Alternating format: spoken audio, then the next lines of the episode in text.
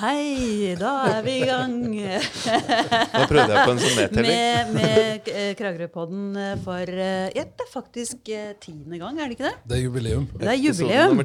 Ja, det er litt stort, da. Det er veldig gøy. Eh, og Kragerøpodden den har jo da en lysende framtid. Det har vært mange gode episoder hittil. Og um, nå i dag så har vi en, en veldig spesiell gjest. Eh, det er eh, Jeanette Gunnarsen Brubakken. Hjertelig velkommen. Ble det helt riktig, Jeanette? Det er helt riktig. Ja, Mm. Veldig bra at du fikk med Gunnarsen der. ja det, det er veldig kult navn. Gunnarsen. Eh, ja, det er kanskje det. Ja, jeg syns det var Ja. veldig kult. Det, det er ikke så ofte hun hører det, faktisk. Nei, Nei. det er min mors navn. Ja, akkurat. Mm. Det er mer Gundersen i Kragerø enn Gunnarsen. Ja, det er det. Det, det er eh, regel. Og så har vi det faste panelet her, da, og det er uh, Knut uh, Jost Arntzen. Det er det jeg heter. Eh, god aften, God dag, Knut. god dag, god Formen er bra. Jeg har det fint. Ja, det er fint. Ja, ja, ja. Ja. Og så har vi jo Daniel Jangmar Theodor Paulsen. Nei, det var feil Var det feil rekkefølge? Daniel Theodor Jangmar Paulsen. Åh, det er Oi. deilig! Nå begynner det å virkelig Ja, men jeg var ikke så langt unna. og du, du, Daniel, er du i form i dag? Jeg er eh, jeg, jeg skal si det korte svaret på det. Ja. Flott. Det syns jeg var, det var veldig positivt. Ubetinga positivt. Å, det er så deilig med positivt. Ja. Så må vi bare få sagt det, da, at eh, denne Kragerø-podden den eh, er å finne da på, på Spotify, Mhm. på iTunes Ja. og Apple Podcast. på podcast. Mm. Apple Podcast. Apple Podcast. Ja, veldig bra. Eplepodkast. Og Outcast og Podbean og Google eh, Podcast og det er det, de fleste steder man kan laste ned Ja. Og der Der, er det eh, sånn at det, når man går inn på et av de stedene der, så kan man trykke på noe, og så abonnerer man på eh, eh. Kragerøpodden. Er riktig, Så hver gang det kommer en ny eh, episode, så bare popper det opp eh, hos deg. ikke sant? Det er veldig kjekt på telefonen din. Mhm. Så det må alle skynde seg å gjøre. De som ikke har gjort det. Og så um, er det sånn at vi har oppretta en egen Facebook-side for Kragerøpodden. Og i prinsippet så legger vi ut uh, litt om uh, de forskjellige pod-episodene der. Og, uh, og litt om gjestene våre, og har gjerne litt bilder og sånn. Um, så det, folk må jo gjerne følge med der og komme med innspill til hva vi kan snakke om. Forslag til gjester. Og Hello, is og ros. Ja, nå er, det, nå er det bilder på gang. Oi, det er filming! Ja. Oi, nå For, det eh, Facebook-siden. Ja. Men nå smilte Kult. jeg sånn veldig bredt veldig lenge. Det er liksom lett for at det blir litt kleint. Ja, ja. Vi Det kan går lage veldig bra. stillbilde òg. Ja, kan ja. Ja, det er veldig bra. Veldig fint. Ok, da, da har vi gjort unna eh, introen, egentlig, med alle disse praktiske tingene. Så nå eh, gleder vi oss til å ta fatt på samtalen med deg, da, Jeanette. Det er veldig hyggelig at du kunne komme, og du sa jo ja med en gang, og det er positivt. Ja, det er veldig hyggelig å være her òg. Ja, Og så er jeg litt sånn eh, Hvorfor si nei når man kan si ja? ja. det er rette innstillinga. Ja. Litt sånn som bygningsrådet i Kragerø. Litt sånn som bygningsrådet. Altså, det er det eneste jeg skal si om det i dag. Ja, ja. Det tror jeg ikke noe på. Nei, kom igjen, Daniel. Ikke vær pingle. Ok, Men, men eh, Jeanette, vi må jo først og fremst få lov til å gratulere med ny jobb. Tusen takk. Du har blitt uh, nyhetsredaktør i Kragerø Blad Vestmark. Det har jeg. Ja. Veldig plutselig og fort og veldig gøy. Ja, ja. Det fiksa du greit. Ja da, det Altså, det gikk jo veldig fint. Um, ja. Åssen jo fiksa, så- hvordan fiksa du det riser, egentlig? Var det, hadde du noe med det å gjøre? Om jeg Nei, vet du hva. Sånn at du liksom sånn at Trond Ja, triksa og miksa var- litt der nede, og så kunne jeg få den. Nei da, jeg, jeg holdt fingra unna fatet der. Og så er det jo en eh, altså man, kjempestort kompliment å bli spurt om å ta over, og i hvert fall så fersk som jeg er, da. eh, så det setter jeg veldig pris på. Og så, ja kan man jo si det at jeg har jo lært veldig mye det siste året som har gått også, etter at jeg ble ansatt i KV. Mm. Så nei, det er, jeg tar det som en veldig stor tillitserklæring, altså. ja så bra. Mm. Eh, hva, er, hva er det å være nyhetsredaktør? Hva er det for noe? Eh, som nyhetsredaktør så leder jeg det daglige arbeidet i redaksjonen. Så altså, det innebærer å Eh, finne saker eh, og, og si ja og nei til saker. Det er jo kanskje den altså, minst gøye delen av jobben. Eh, og så er det altså, å lede de som jeg jobber sammen med, da. Og så til syvende og sist så er jo vi er jo et lag, så vi jobber jo for at vi skal liksom få skuta i land til slutt. Men hva er eh, forskjellen på deg og ansvarlig redaktør? Ansvarlig redaktør, han øh, har jo også Han er jo også daglig leder, Ja. så han har jo veldig mye av de daglige lederoppgavene. Eh, og så er det jo oss som har Eller det er jo han som har det overordnede etiske ansvaret, da. Ja. Så til syvende og sist så er det jo han som er ansvarlig for alt som står på trykk. ja. Mm. Og så har han økonomiansvaret, kanskje? Ja, Ja. det har han også. Mm. Så gøy. Han må sitte med budsjettet da. Han må sitte med budsjett og sånne ting som jeg slipper. Ja, det må jo være litt deilig, da. Å bare være rett på saker og ting. Det er det, og det er jo det jeg liker. Jeg liker jo å jobbe liksom tett på nyhetsarbeidet. Men eh, nå skal det jo sies at vi er jo en liten redaksjon, så det er jo, alle er jo tett på, Mm. På sakene. Hvor mange er det, hvor mange er det som er ansatt i KV nå? Det er eh, to journalister i 100% stilling, og så er det to som jobber i annonseavdelinga, og så har vi en, eh, en eh, typograf, eh, ansvarlig redaktør, nyhetsredaktør, og uh, Jimmy Aasen, som jobber i 25 da. Så han, han er inne hos oss en dag i uka nå. Da er det 7,25, så vidt jeg kom frem til det. Ja, ikke sant? Bra regna. Det var, det, var, litt imponerende. Der har du det. veldig bra. Jeg satt. Jeg satt med fingrene her, eh, armen i kors, så satt jeg med fingrene under eh, Men eh, Jeanette, altså, det, er jo, det er jo veldig kult at eh, en så ung kvinne har fått en sånn lederstilling. Det, er- det er veldig bra. Men hvordan kommer vi til å merke det? Hva, er det? hva skal du med den stillingen der? Nei, hva skal jeg med den stillingen der? Eh, det høres jo veldig sånn klisjé ut, men man har jo Nå har jo KV gjort det Altså har, har jo gjort det bra de siste åra. Uh, og det er i gang liksom et veldig bra arbeid der fra Amedias side også, som er eierne våre. Um, angående innholdsutvikling og, og sånt. Um, så det blir jo å videreføre den gode jobben som Trond har gjort. Eh, og så håper jeg jo å tilføre litt av liksom, mine greier også, da. Eh, jeg syns jo det er veldig spennende med de nære historiene og portretter og sånne ting. Men i en lokalavis så blir det jo veldig mye Man jobber med alt. Man jobber ikke bare med én ting, eller én type journalistikk, da. Så nei, jeg, jeg håper jo at jeg har noe å eh, tilføre. Ja, det har du helt sikkert. Ja, Mhm. ja. Eh, altså, den, når man de, nå begynner jeg bare spørre, og om må dere Hoppe inn. hoppe inn, Da hopper jeg på. rett inn. Ja, gjør det. Gjør det. Ja, det uh, har du sett Newsroom? Den, eh, film, Ja. eh, se, den serien? er det litt sånn? Driver dere i redaksjonsmøter og fighter og liksom Jeg vil skrive om det! Og så sier du f.eks.: Vet du hva, nei, det skal du ikke gjøre. Eh, og, og så går, har dere det gående sånn? Nei, altså Det er jo eh, Det er jo ofte at noen i redaksjonen sier det at 'den saken der har jeg lyst til å ta'. Eh, og da blir vi som regel veldig enige, og at det, vi holder det på et veldig greit nivå.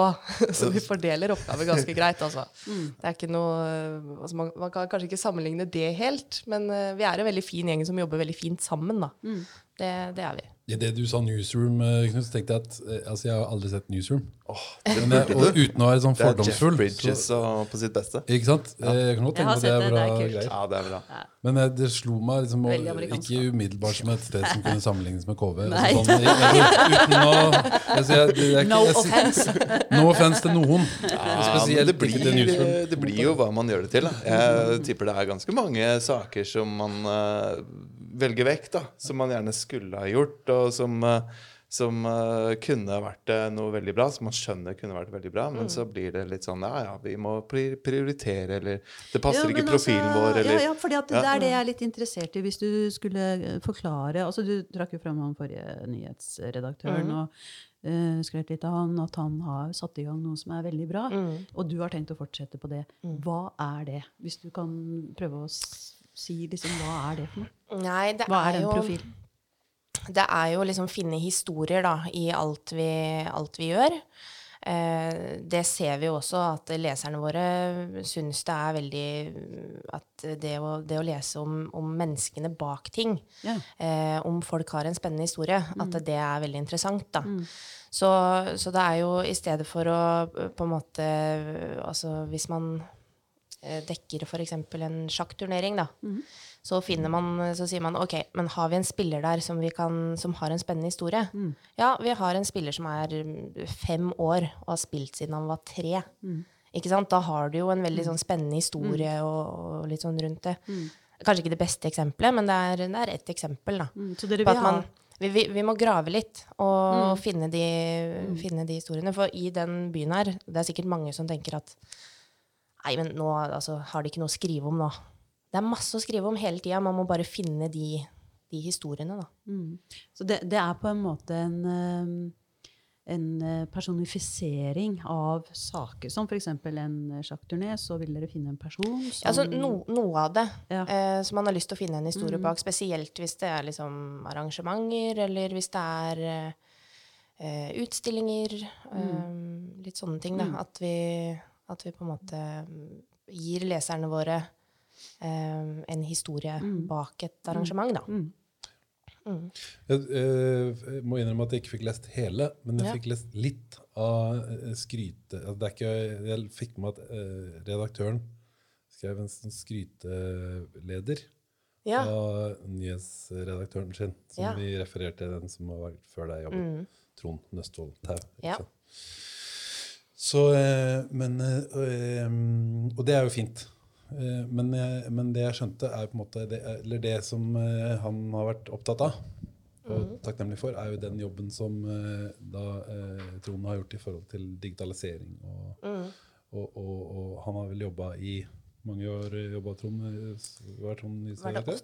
Så han har jobba i KV til sammen i åtte år. Ja. Og så var han nyhetsredaktør i ja, noen år. Så helt sikker han, det, han, har vel, altså han har jo vært viktig i en periode med eh, digitalabonnement Mm. og flere og flere pluss eh, og digitalabonnementsaker. Ja. Mm. Så det er mye den utviklinga han har stått for og gjennomført, er det ikke det? Det er helt riktig. Ja. Det er jo øh, Jeg var jo innom KV som uh, frilanser i 2016, tror jeg det var. 2016-2017. Og da husker jeg, for da hadde jeg jobba en periode i Dagbladet. Og eh, der inne så jobba man jo liksom nett, nett, nett, og så tar man det beste fra nett og over på papir.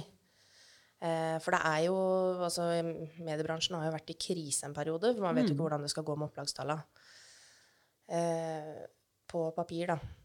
Og så husker jeg jeg kom til KV, og så tenkte jeg ja, men For her jobber de jo med, med papir først. Jeg husker jeg syntes at det var så rart. Eh, men så kom jeg tilbake nå for et år siden, og da har de jo gjort den omlegginga for en stund siden. Eh, at man, For nettet lever jo hele tida. Vi leverer jo kjempemange saker i løpet av en dag. Mm. og alle får jo ikke plass på papir. Så mange saker har det jo blitt. da. Så Så nå gjør dere det. Dere mm. legger det først på nett, og så på Mm. Ja. papir. Det har jeg lagt merke til. Ja.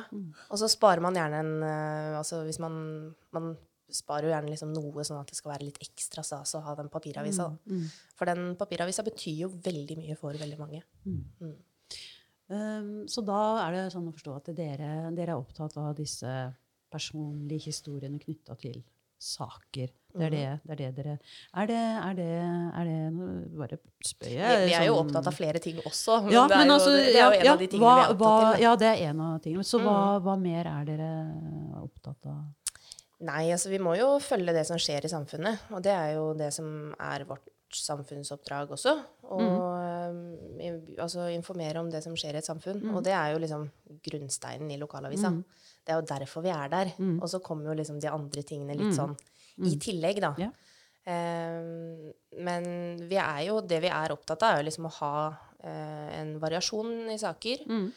Eh, og liksom dekke det alle leserne våre vil ha. Da. Noen lesere vil kanskje bare ha politikk, mens andre lesere vil bare ha portrettintervjuer. Mm. så Ja, det er Det blir litt av hvert. Mm. Ja. Man må liksom ha hele den skalaen, da. Mm. Um, ja, hvordan går det egentlig med, med KV, da? Eh, sånn metall og økonomi og Ja. de tinga der? Eh, Espen skrev litt om det i den lederen, tror jeg. Eh, det går eh, veldig bra. Ja. Han er fælt, har- å- fælt å skryte av, Espen. merket. Men når vi gjør det så bra, så har vi jo lov til å skryte litt det. eh, av oss sjøl òg. Det er det. Det tenker jeg jo Ja. Det må vi få lov til. Og det syns jeg er sånn generelt, at folk skryter for lite av seg sjøl. ja. Det syns jeg man skal gjøre mye mer av. ja, altså jeg, jeg har ikke lest den lederen, jeg. Nei. Eh, så kanskje du bare kan fortelle hva, hva er de viktigste tallene, på en måte. Ja, nå har jo ikke jeg hele Neida, lederen men- i hodet, og jeg har heller ikke eksakte tall i hodet. Um, men eh, vi, har, vi går jo opp på abonnenter. Ehm, det har vi gjort de siste åra. Er det på både papir og nett? Både på papir og nett. Mm. Og så ser vi jo at det er, vi får flere og flere inn på den digitale plattformen nå, da. Ja. Det er jo veldig mange abonnenter som har et komplett eh, abonnement, men som f.eks. bare leser papiravisa. Hvis du har et papiravisabonnement, så har du også digitalt abonnement, uten at det koster noe ekstra. Mm. Så vi ser det at det er flere og flere da, som velger å gå inn på den digitale plattformen, og så har de liksom e-avis og nyheter eh, nesten døgnet rundt da, Ja. der inne. Ja. Mm. Er det, er, det, er det så å si nesten hele Kragerøs voksenbefolkning som abonnerer eh, på avisa, eller vet du noe sånn prosentvis? Det er veldig mange i hvert fall. Ja. Um, Og så er det mange utenbys også. ikke Ja. sant? Hyttefolk og Vi har ganske mange abonnenter innover mot Oslo og, som, som ikke bor i Kragerø. Mm. Det har vi. Men eh, akkurat tall, det, det Jeg har ikke forberedt meg så godt. nei da, nei da. Men det er bare sånn også, uh, fordi at det, det igjen Er det sånn at det speiler økonomien til uh, KV også? Jo, altså, det gjør jo det. Eh, det var jo eh, I fjor så fikk de jo muligheten til å ansette meg. Ja. Eh, og det er jo en mulighet som man ville sett på som ganske utenkelig for bare noen få år siden. Ja, at man skal begynne å ansette journalister. Ja. Eh, så så det, det gjenspeiles jo sånn, men da Altså Abonnentene krever jo også at vi produserer mer, og da må man jo ha flere folk også. Så, men eh, man kan jo ikke Altså, vi er jo fortsatt ingen stor redaksjon, da. Men eh, det at man kan ansette folk, tyder jo på en bra økonomi. Eh, og at det, at det er en bra greie. Jeg husker jo når jeg starta på journalistskolen i 2015, så sa læreren til meg på første forelesninga Så sier de at eh, Hvorfor er dere her? Er dere, er dere fordi dere er glad i å skrive, så kan dere dra igjen. Det er ikke nødvendig. Og du det- kjørte litt en tough love. Ja, ja. Liksom- Tough love. Nei, så vi sa det at Hvis vi var glad i å skrive, så kunne vi bare dra derfra. Uh, vi måtte være nysgjerrig, og vi måtte være kreative, og de liksom lista opp en del sånn, uh, kvaliteter. Og så uh, sa de at Og hvis dere tror at dere skal få en jobb når dere er ferdig her, da tar dere ganske feil. Det er beinhardt. Dere må regne med å være frilansere i veldig mange år framover. Og så har jo jeg heldigvis vært en av de veldig heldige, da. Ja. så det er jeg veldig Ja. glad for. Ja. Men sånn som eh, det også være frilanser, er det Greier man å livnære seg på det ganske greit, eller er det Hvordan, hvordan utarter det seg? Jo, altså man, man kan jo gjøre det, men man må jo selge seg sjøl. Ja. for min del så vet jeg ikke om det å være frilanser hadde liksom vært noe for meg, for jeg er litt sånn litt den tryggere personen som liker å ha det litt forutsigbart. da. Jeg liker å vite at jeg kan betale leia hver måned. og Ja. Jeg har ikke så mye is i magen, liksom. Men eh, mange livnærer seg jo helt fint av å være frilansere. Ja. Skriver man, eh, skriver man eh, eh, noe for Vi Menn en eh, dag, og så for eh, KK en annen dag, og så for KV en tredje dag, og så Du pitcher jo ideer til redaksjoner, og da Ja. må man gjerne opparbeide seg et nettverk. Og så pitcher du ideer til redaksjoner, og så sier de da at ja, den saken vil vi kjøpe, eller den vil vi ikke kjøpe. Ja. Så tar du det liksom Så det er, det er jo veldig sånn eh, Du vet jo aldri hvor mye jobb du har en måned. Hvis du er frilanser på fulltid, da. Ja. Men det er forskjell på folk, da. Det er jo noen som syns at det er kjempefint, og så er det andre som kanskje syns at det er veldig greit å ha de trygge rammene, da. Jeg er kanskje av den sistnevnte. Ja, altså, jeg husker veldig godt Sara Smed Rasmussen. Eh, Sara Mats. eh, som da opprinnelig kommer fra Syria, og som av omveier kom til Norge. Og uh, skaffa seg en lang akademisk eh, utdanning og begynte å jobbe frilans.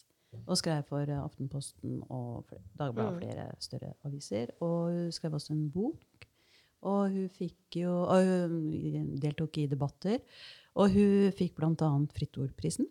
Veldig flink. Ikke sant? Og så, så Det hun gjorde til slutt, var å ta et skikkelig oppgjør med den derre frilanskulturen. Eh, fordi hun mente at uh, avisene og, og det økonomiske systemet rundt det utnytta frilanserne veldig. Mm. Så uh, hun, eh, hun slutta å skrive Ja. for de, og bare trakk seg unna. Mm. Og hadde en kjempediskusjon, altså. Virkelig sårt for henne. Ja. Litt som vikarer i helsevesenet. Ja, brøk, sikkert. stillinger i helsevesenet. Ja, altså Man jobber knallhardt for å få ting til, og så er det lousy betalt. Eller, ja, litt som kunstnere, kanskje, og noen andre yrkesgrupper som vi kjenner til, som eh, produserer enormt mye bra, da. og så er det økonomiske systemet rett og slett kanskje utnyttende, da. Eller i hvert fall opp, kan man oppleve det Men jeg, jeg har sett det i forbindelse med noe, noen ting. Så er de, de satsene for det man kan gjøre eh, som frilanser, mm. som bransjen sjøl opererer med, de er ikke, altså det er klart det er veldig mye arbeid forbundet med, med å skrive god journalistikk. Eh, enten det er feature eller kronikk eller hva det måtte være, så er det masse arbeid. Men, eh, så det ikke, sånn sett så er det ikke så veldig eh, godt betalt. Men det er ikke så verst heller. Men problemet er jo at eh, aviser og nyhetsredaksjoner rundt forbi ikke betaler. Og, ikke, og, og det er ikke fordi at de er sleipe, det er jo fordi de har ikke råd til å betale de satsene som, eh, som eh, bransjen sjøl har lagt opp til. Ofte, hvis ikke det er en- viss størrelse på det. Mm, ok. Jeg har ikke inngående kunnskaper. om Jeg har sett på ligg på nettet. Man kan sjekke det. Tallene er helt sånn klare. Ok. Um, ja, fordi at Fine det, tall, altså. Ja, okay. Eller sånn relativt. Men jeg, men jeg tror nok at det er sånn gjennomgående at man, man må jo stå på for å få det til da, som frilanser. Og du må by på deg sjøl, og du må Altså, det er ikke noe som heter gunstige arbeidstider, tror jeg, hvis, du, er, hvis du lever av å være frilanser. Må være et ja-menneske. Da må du absolutt være et ja-menneske. Mm. Ja. Men, eh, Ja, det er sikkert eh, mange utfordringer knytta til det. Men altså, jeg bare eh, har, har du, eller la meg si sånn, har KV en uttalt uh, visjon liksom, for hva KV skal være? For, for her som de ja. utgir seg? Ja, ja. Eh, eh, altså, veldig internt på kontoret Ja. så sier vi det at eh, vi skal være den eh, beste lokalavisa i hele verden i Kragerø. Ja, Kjempebra. sånn skal det være. Ja. Det er litt sånn jeg sier til meg sjøl når jeg har tatt et par glass, at jeg skal være verdens beste Daniel i Daniel.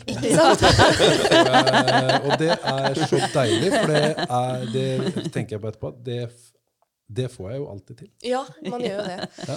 Nei, altså eh, Målet vårt er jo det at vi skal levere nyheter. Vi skal opplyse om det som skjer i samfunnet. Eh, om de viktige ting, om de mindre viktige ting som Altså, vi må få hele spennet, da.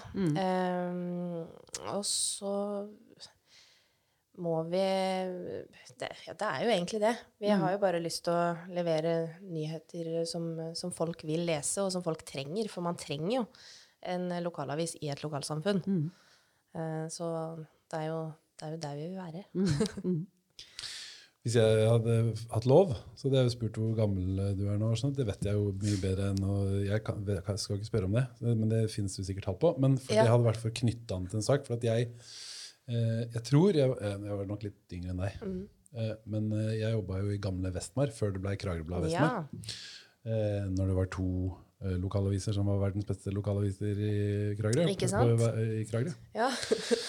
Eh, men, og da var det jo litt sånn gamle Vestmar, når eh, Svein Ove Isaksen var eh, redaktør i gamle Vestmargården, eh, midt imot kinoen.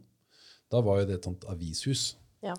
Og det, var, altså det er jo deilig å begynne å bli så voksen nå at jeg kan komme og mimre over sånne gamle, gode dager. Når, det lukta, altså når du kom inn, så lukta det trykksverte. Ja. Fordi at pressa var i første etasje. ikke sant? Og så var redaksjonen oppe i andre altså alt, Det var et avishus. Ja. Og så kom jo da K øh, øh, Kragerø-blad, som var den dårlige, kom ut eh, eh, annenhver dag. Og så kom Vestmark, som var den gode, eh, ut annenhver dag. Ja.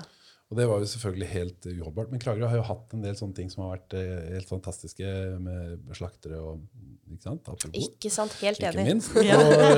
Ikke Den der var, Da ja, her må du forklare, eh, forklare lytteren. Hvor kom slakteren inn her nå, Daniel? er, eh, for alle som ikke har vært i Kragerø før we, we can do this in English. eh, Kragerø Yes, yes. Nei, men, em, men det, er, det er jo litt unikt, for ikke sant, Brubakken, som jo du uh, slekt hardt på, Mm. er jo en av de gode slakterne, og den gjenværende med eget slakteri og utsalg i byen.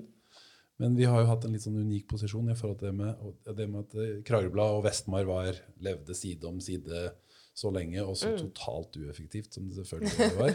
Og så fikk jo Kragerø-avisa etter hvert. Ja. Men da var det jo litt mer politiske innretninger på ting. Ja. Så, og, og litt eh, forskjellige oppgaver, Ja. eh, sånn som jeg husker det. Mm.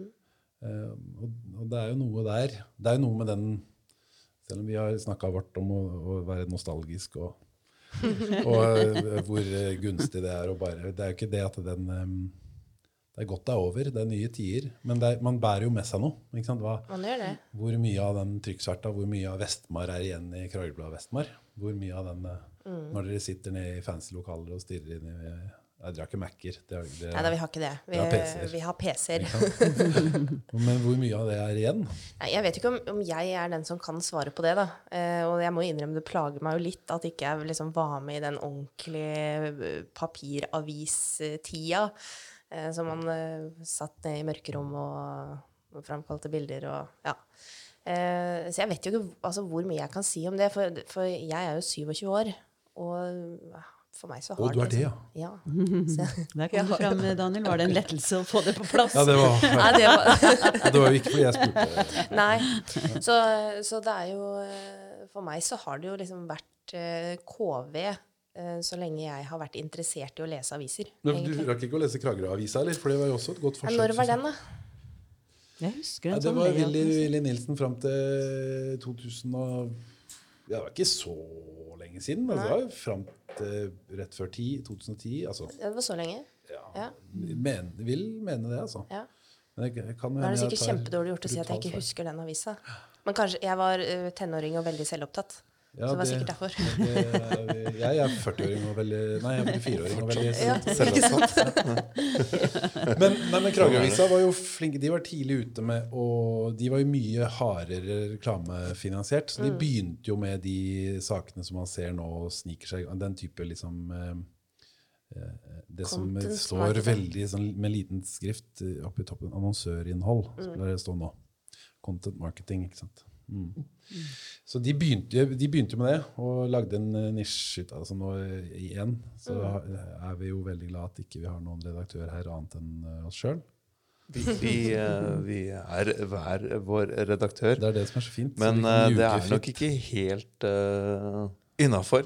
Nei, nei, det er ikke det Nei, nei, nei. I dag er Marit eh, redaktør. Redaktøransvar. Du får redigere det etterpå, ja. Marit. Ja, det er greit. Klippe vekk alt som ja, ja, er ja, det går feil. altså.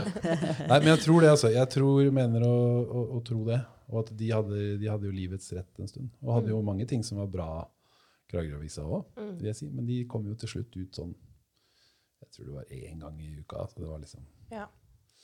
Det, det som eh, jeg tenker på med, med papiravisene for en, noen år tilbake, det var kanskje den eh, Det var liksom knytta litt sånn høytidelighet til eh, avisa. Altså det var et eh, organ som det var mulig for hvermannsen å ytre seg i offentligheten. På tråden, husker jeg. Ja, det var på tråden. jo, men altså, man kunne lage et høytidelig innlegg, og så kunne man få sagt sin mening i offentligheten.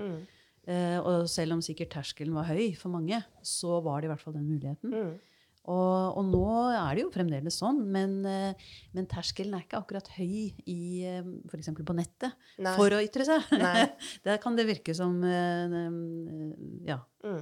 at man Det- av og ser ut til å kunne skrive nesten hva som helst. Ja, det merker jo vi i, avisa også, at um, altså jeg blir jo kjempeglad hvis jeg, jeg ser at det er uh, altså, meninger som folk debatterer fortsatt i avisa. Det syns jeg liksom er fortsatt litt av den avisgreia, da. Eh, men det er jo det er fortsatt mange som er flinke til å sende inn meningene sine i KV. Eh, hadde det vært opp til meg, så Altså, nå skal ikke jeg oppfordre til sånn leserinnleggstorm, men uh, altså, det å få fram den gode debatten også i avisa, og ikke bare på sosiale medier. Eh, for sånn som man ser det nå, så går det jo stort sett på sosiale medier, for der sier man jo liksom det man tenker akkurat der og da. Og så tenker man ikke noe mer over det. Man bare skriver ned, og så trykker man 'send' eller 'publiser'. Eh, Men hvordan stimulerer man til det, tenker du? Hvordan, hvordan tenker KV om det? Altså, hvordan, hvordan stimulerer man til en god debatt? Ja, hvordan gjør man det? Eh, nei, altså jeg, jeg føler jo at uh, når folk uh, sier meningene sine og sender inn et innlegg til KV, så, så eh, føler jeg jo at vi, vi, vi gjør i hvert fall så godt vi kan da, med å vie det god plass. Eh, så, men hvordan man skal stimulere det, det er et veldig godt spørsmål som jeg ikke akkurat har eh, svaret på. Mm. Jeg er jo, jeg, sånn som oss alle her i Kragerø, så har jeg jo veldig veldig mange hatter. så vi, Det er jo hattleken vi leker mest av i Kragerø. Så en av de fineste hattene jeg har, er å få lov til å være med i Kragerø Bys Venner. Eh, der eh, det er mange distingverte, ordentlige herremenn og kvinner som har vært med en vinternatt mange vinternetter før. Og de, til og med de har blitt eh, nødt til å Eller uh, nå, uten å røpe for mye, så kan jeg si at uh, til og med de er litt vi, kan jeg si. Ja. Er litt sånn omdømmevar. ja. Det tenk, og, og, uten, og jeg skal ikke si noe mer om det. eh, Men, men uh, i den sammenheng så har jeg lyst til å spørre om en ting for Ja. øvrig. For dette dere, når dere skriver innlegg, ja, så signerer dere med Kragerø bys venner. ja, ikke det? ja, ja.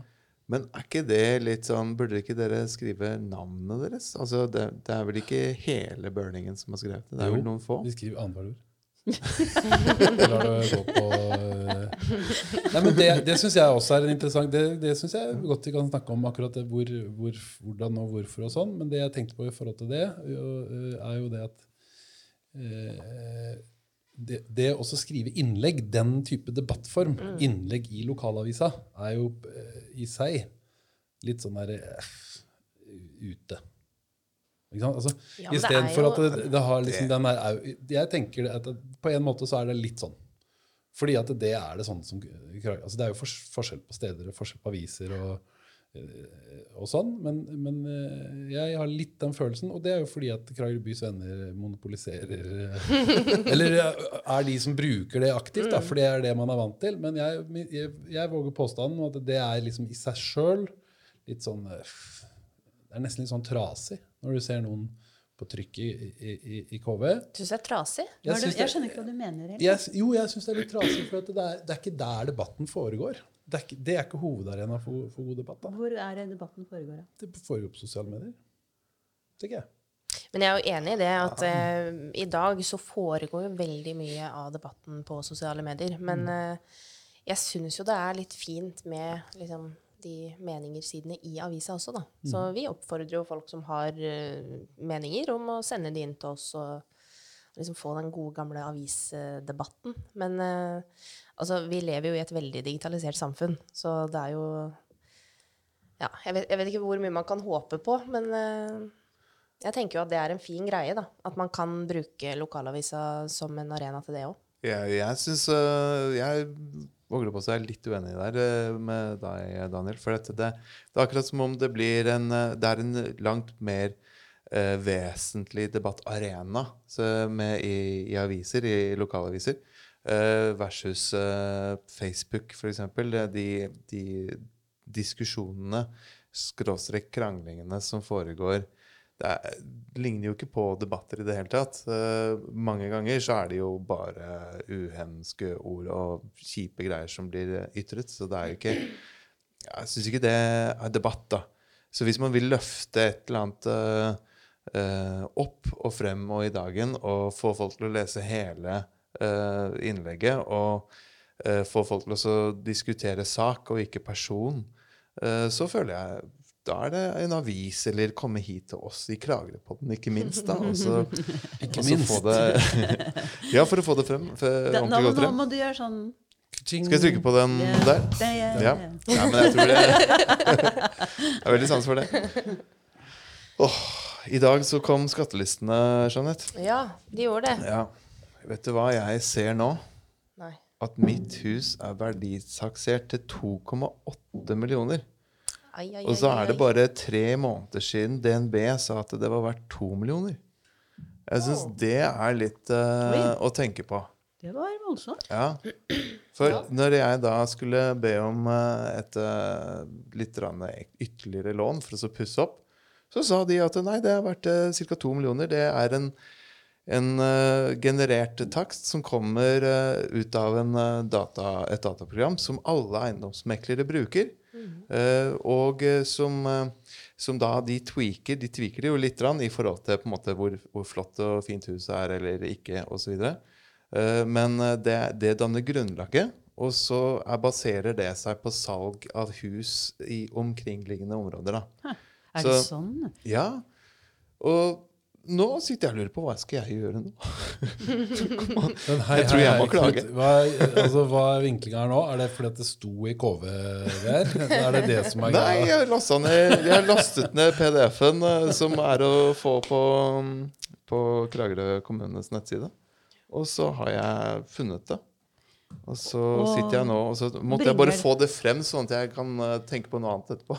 Du måtte okay. rydde det Det var det du måtte gjøre nå. Du måtte bare rydde det vekk. Ja, ja for Jeanette tipsa om at det var mulig. Så ja, da måtte jeg bare gjøre det. Det er veldig bra. Det har jo vært mye prat om, uh, om de skattelistene i det siste. Så det er jo naturlig at det kommer fram her òg. Ja, syns jeg. jeg. Syns jeg. Mm. Du følger jo litt med i tiden, eh, som du sa. Så dette her er jo en sak som jeg tipper kommer til å versere litt i KV det, nå fremover. Ja. Uh, det kommer vel sikkert frem flere sånne eksempler som er ganske Det er mye engasjement rundt, ja. uh, rundt sånne, sånne, lister.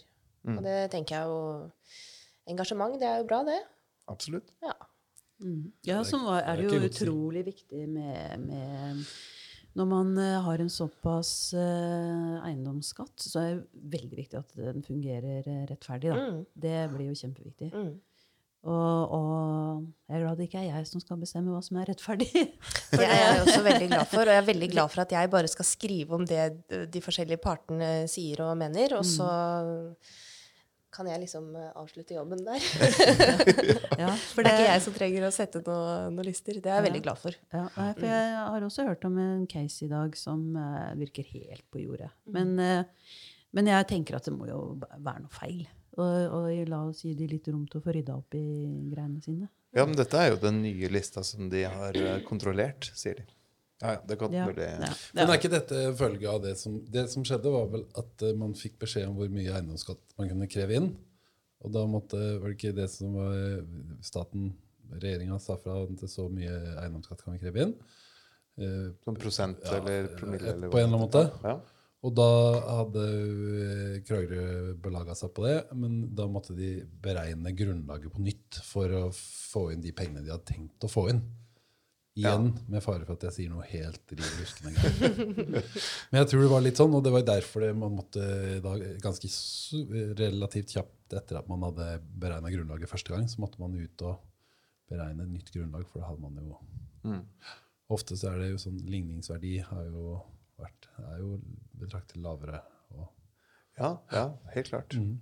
Det plei, har jo pleid å være sånn. Nå ja. ser det ut til å være litt uh, motsatt. Ja, det, ja, det virker som det er noe sånn uh, litt rare greier der. Spennende. Det er kompliserte ja, greier. Ja, jeg er ikke huseier, så akkurat det slipper jeg å forholde meg til. um, men du, jeg bare tenkte på um, uh, Jeg har lyst til å snakke litt med deg om, om um, pressestøtte. Ja. Eh, fordi dere får jo pressestøtte. Nei. Gjør dere ikke? Nei. Første gang i 2020 så får vi ikke det. Hvorfor? Fordi vi klarer oss sjøl. Akkurat. Mm. Åh, nå, nå vet jeg at det var en Frp-er der ute som fikk tårer i øynene. Eller ikke bare heller. Altså, nå tror jeg ikke det er mange eh, nødvendigvis eh, Kanskje, kanskje det er noe, men hvis noen Frp-er Jeg kan snakke rett inn til hjertet til de Frp-erne som hører på. Bare slapp av. vi- De skal bare gå ut, finne noe å tørke med. Så det her går greit, altså. Ja, men- Eller bare sett på Ja, pause. men det må du forklare litt nærmere. Hva, hvordan kan det altså? Jo, men altså, jeg kan jo ikke forklare Jeg har jo for det første vært eh, ganske eh, kort tid ansatt i KV. Så jeg har jo ikke inngående kunnskap om det. Men jeg har, eh, jeg har fått beskjed om det at eh, i år så får vi ikke pressestøtte. Og det er fordi at eh, det er jo beregninger som gjøres på det, mm. på hvem som faktisk trenger eh, pressestøtte. Og da har eh, konklusjonen vært det at eh, KV klarer seg sjøl. Men det, det- henger det sammen med A-media, det eierskapet er det, Gjelder det alle A-media, eller er det bare Kragerø? Eller? Nei, det er eh, KV eies jo av A-media-stiftelsen. Så, så eh, det Og det består jo av jeg tror det er 75 lokalaviser i hele Norge nå. Mm. så det er helt forskjellig hvilke A-media-aviser som får og ikke. Det er liksom selvstendige økonomier da, i eh, alle avisene. Så det vil si eh, Jeg skjønner at ikke du kan ja, liksom, Ja, ja. greiene, men, men man kan anta da at uh, dere gjennom uh, abonnement og anno annonser Mm. eh, får eh, gode nok inntekter til å kunne drive denne avisa, og så godt at dere ikke trenger pressestøtte. Mm. Eh, og hvor eh, eh, det, Du vet jo sikkert noe om hvor dere får inn annonseinntekter. Hvem er det som bringer inn penger i kassa? Vi har jo to annonseselgere i, eh, i Kragerø eh, som sitter nede på kontoret sammen med oss. Så det er jo de to. Og så er det en del som går inn sitt, eh, sentralt, da. Som der, eh, det er folk rundt Altså i Amedia sentralt, som sikkert sitter inne i Oslo eller på andre kontorer, som får inn andre avtaler, da. Så det er en sånn delt greie. Men eh, annonseselgerne våre i Kragerø er jo de som har kontakt med, med Kragerø-folk og Ja. bedrifter i Kragerø. Mm. Og det tenker jeg er viktig også, fordi altså, hvem kjenner ikke Nico eller Kristin? Ja. Så det er, det er jo litt sånn De gjør en veldig, veldig bra jobb der. Mm. Mm. Hvem er de største annonsørene deres? Vet du det? Og det vet jeg ikke. Ja. Mm. Det, det er jo vi, altså, vi er jo én redaksjon, men, eh, men eh, vi, vi skiller jo på annonse og Mm. journalistikk. Det er jo eh, også en sånn grunn, eh, Ja, et grunnprinsipp. Mm, Mm. mm. Eh, Nei, for jeg bare så det at hun, eh, hun venstredama Trine. Trine Mm. Skei Grande. Ja, hun, eh, altså, hun har jo fått seg en ny ministerpost, men når hun var kulturminister og jobba med, med pressestøtten, så gikk det jo for en voldsom utvidelse av pressestøtten i 2020. Eh, og jeg så at eh, Eller det siste tallet som jeg så som KV fikk, var, var nesten en halv million. Eh, så da har det jo skjedd noe dramatisk da, hos KV. Eh, De, er også, de kan ansette folk, og de trenger ikke å ha pressestøtte engang. Altså, det, det her Var det forsøk på Nei, men altså, det må jo, ja, på, en eller annen måte så Ja, ja. får dere til en veldig god økonomi. Ja. Så jeg er bare interessert i hva er den økonomien? Hvordan Vi har jo, vi har jo fått til eh, den digitaliseringsutfordringa veldig, veldig bra. Det er jo noe som Amedia har jobba med, og Amedia har vært veldig gode på det. Eh, jeg vet om at det kommer mediehus fra utlandet for å se på ja, men, hva er det media har gjort. Da. Ja.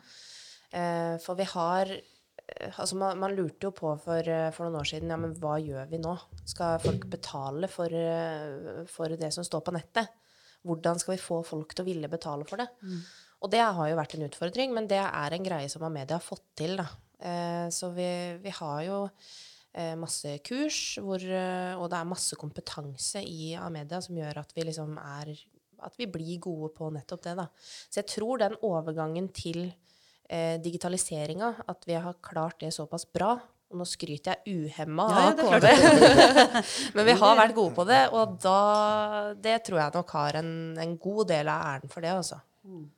Men det, er jo, det, har, ikke sant? det har jo vært utfordringa, og er jo utfordringa veldig mange steder i for mange redaksjoner. Og i mange land, det å få folk til å betale for, de, for sakene digitalt. Ikke sant? Så Det er jo det som har vært utfordringa. Ja.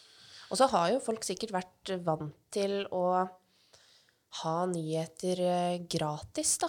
Eh, I hvert fall med en gang nettavisene kom. At eh, ja, men hvorfor skal vi betale for det her? Vi får det jo gratis andre plasser, eller eh, Men, men Det har jo snudd. det, Ja, det har snudd, og det har man liksom fått en god overgang på, da. Mm. Uh, ja. Jeg liker også veldig godt det som eh, at kv.no har en sånn det, det kommer så mange nye saker hele tiden, sånn som du prater om, men det er også saker fra andre lokalsamfunn. ja. Det, har jo, det er sjelden eh, sånne nasjonale nyheter, men det er andre lokalnyheter. eh, som jeg syns er artig. Det, det finner jo ikke jeg gjerne på NRK eller VG eller noe sånt. Nei. Landet rundt. Nei, riktig. Ja. Så Og det er jo en fordel vi, vi har. Det er det jo veldig mange som ikke vet. Og så er det sikkert noen som tenker at nei, men hvorfor har de en nyhet fra Tromsø i dag? Men eh, når man er en Amedia-avis, så har vi gjerne en sånn eh, fri flyt-avtale. Sånn at vi kan hente saker og samarbeide med de andre avisene, da, som, eh, som er eia av samme avis. Og på den måten så får man liksom enda en uh, jeg, jeg husker jeg fant en sak uh, om en Kragerø-dame som hadde flytta til langt nord. Langt oppe i Troms. Gokk, som det òg heter. Ja, Gokk. jeg huska ikke akkurat hva det var. Men det, hun hadde flytta langt, langt, langt av sted. Og så var det en litt sånn morsom sak med at hun fikk gubben til å kjøre så og så langt for å kjøpe grumsete julebrus. eh, og det var jo en sak som var skrevet liksom i Finnmark eller eh, Nordlys eller en av de avisene langt nord. da. Og da tar jo vi den. Og det var jo kjempemange som syntes det var hyggelig å se igjen den Kragerø-dama. Mm.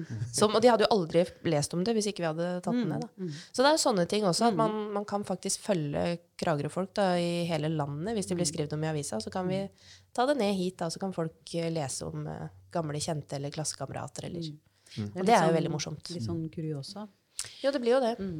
Men øhm, eh, altså nå eh, må jo si det at eh, jeg selv og flere av oss rundt bordet her er veldig interessert i, eh, i kultursiden Mm.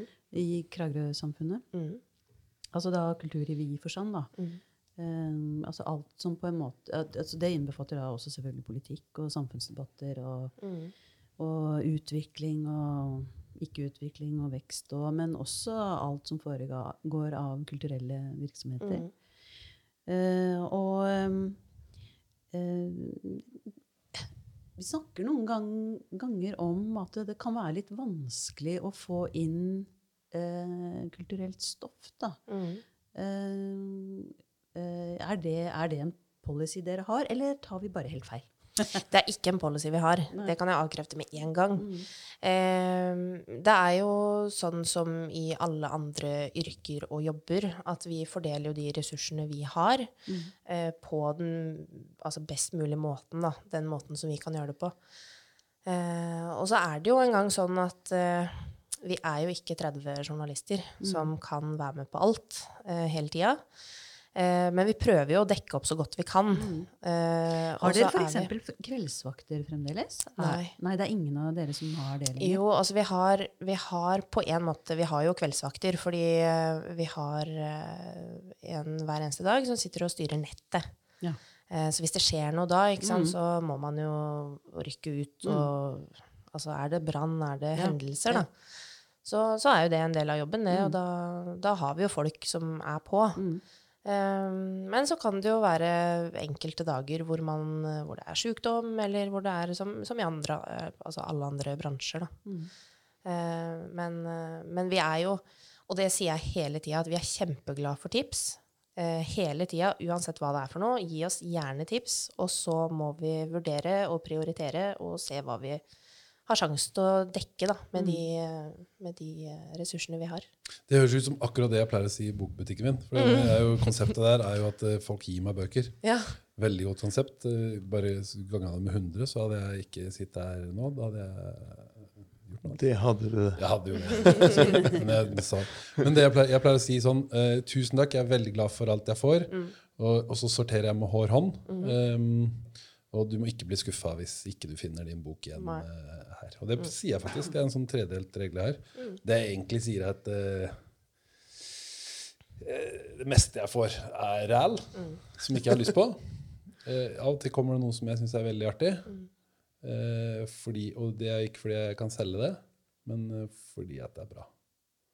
Ja, det det er jo Men, men jeg, jeg, jeg vil jo gjerne at folk skal tipse, og at de At uh, Altså, man skal ikke føle at det er nytteløst heller, da. Så det er jo veldig dumt hvis, uh, hvis det på en måte er, er en sånn greie. Så det vil jeg bare avkrefte med en gang. Vi er veldig glad for ja, alle men det tips. er, det er jo godt å høre. Ja.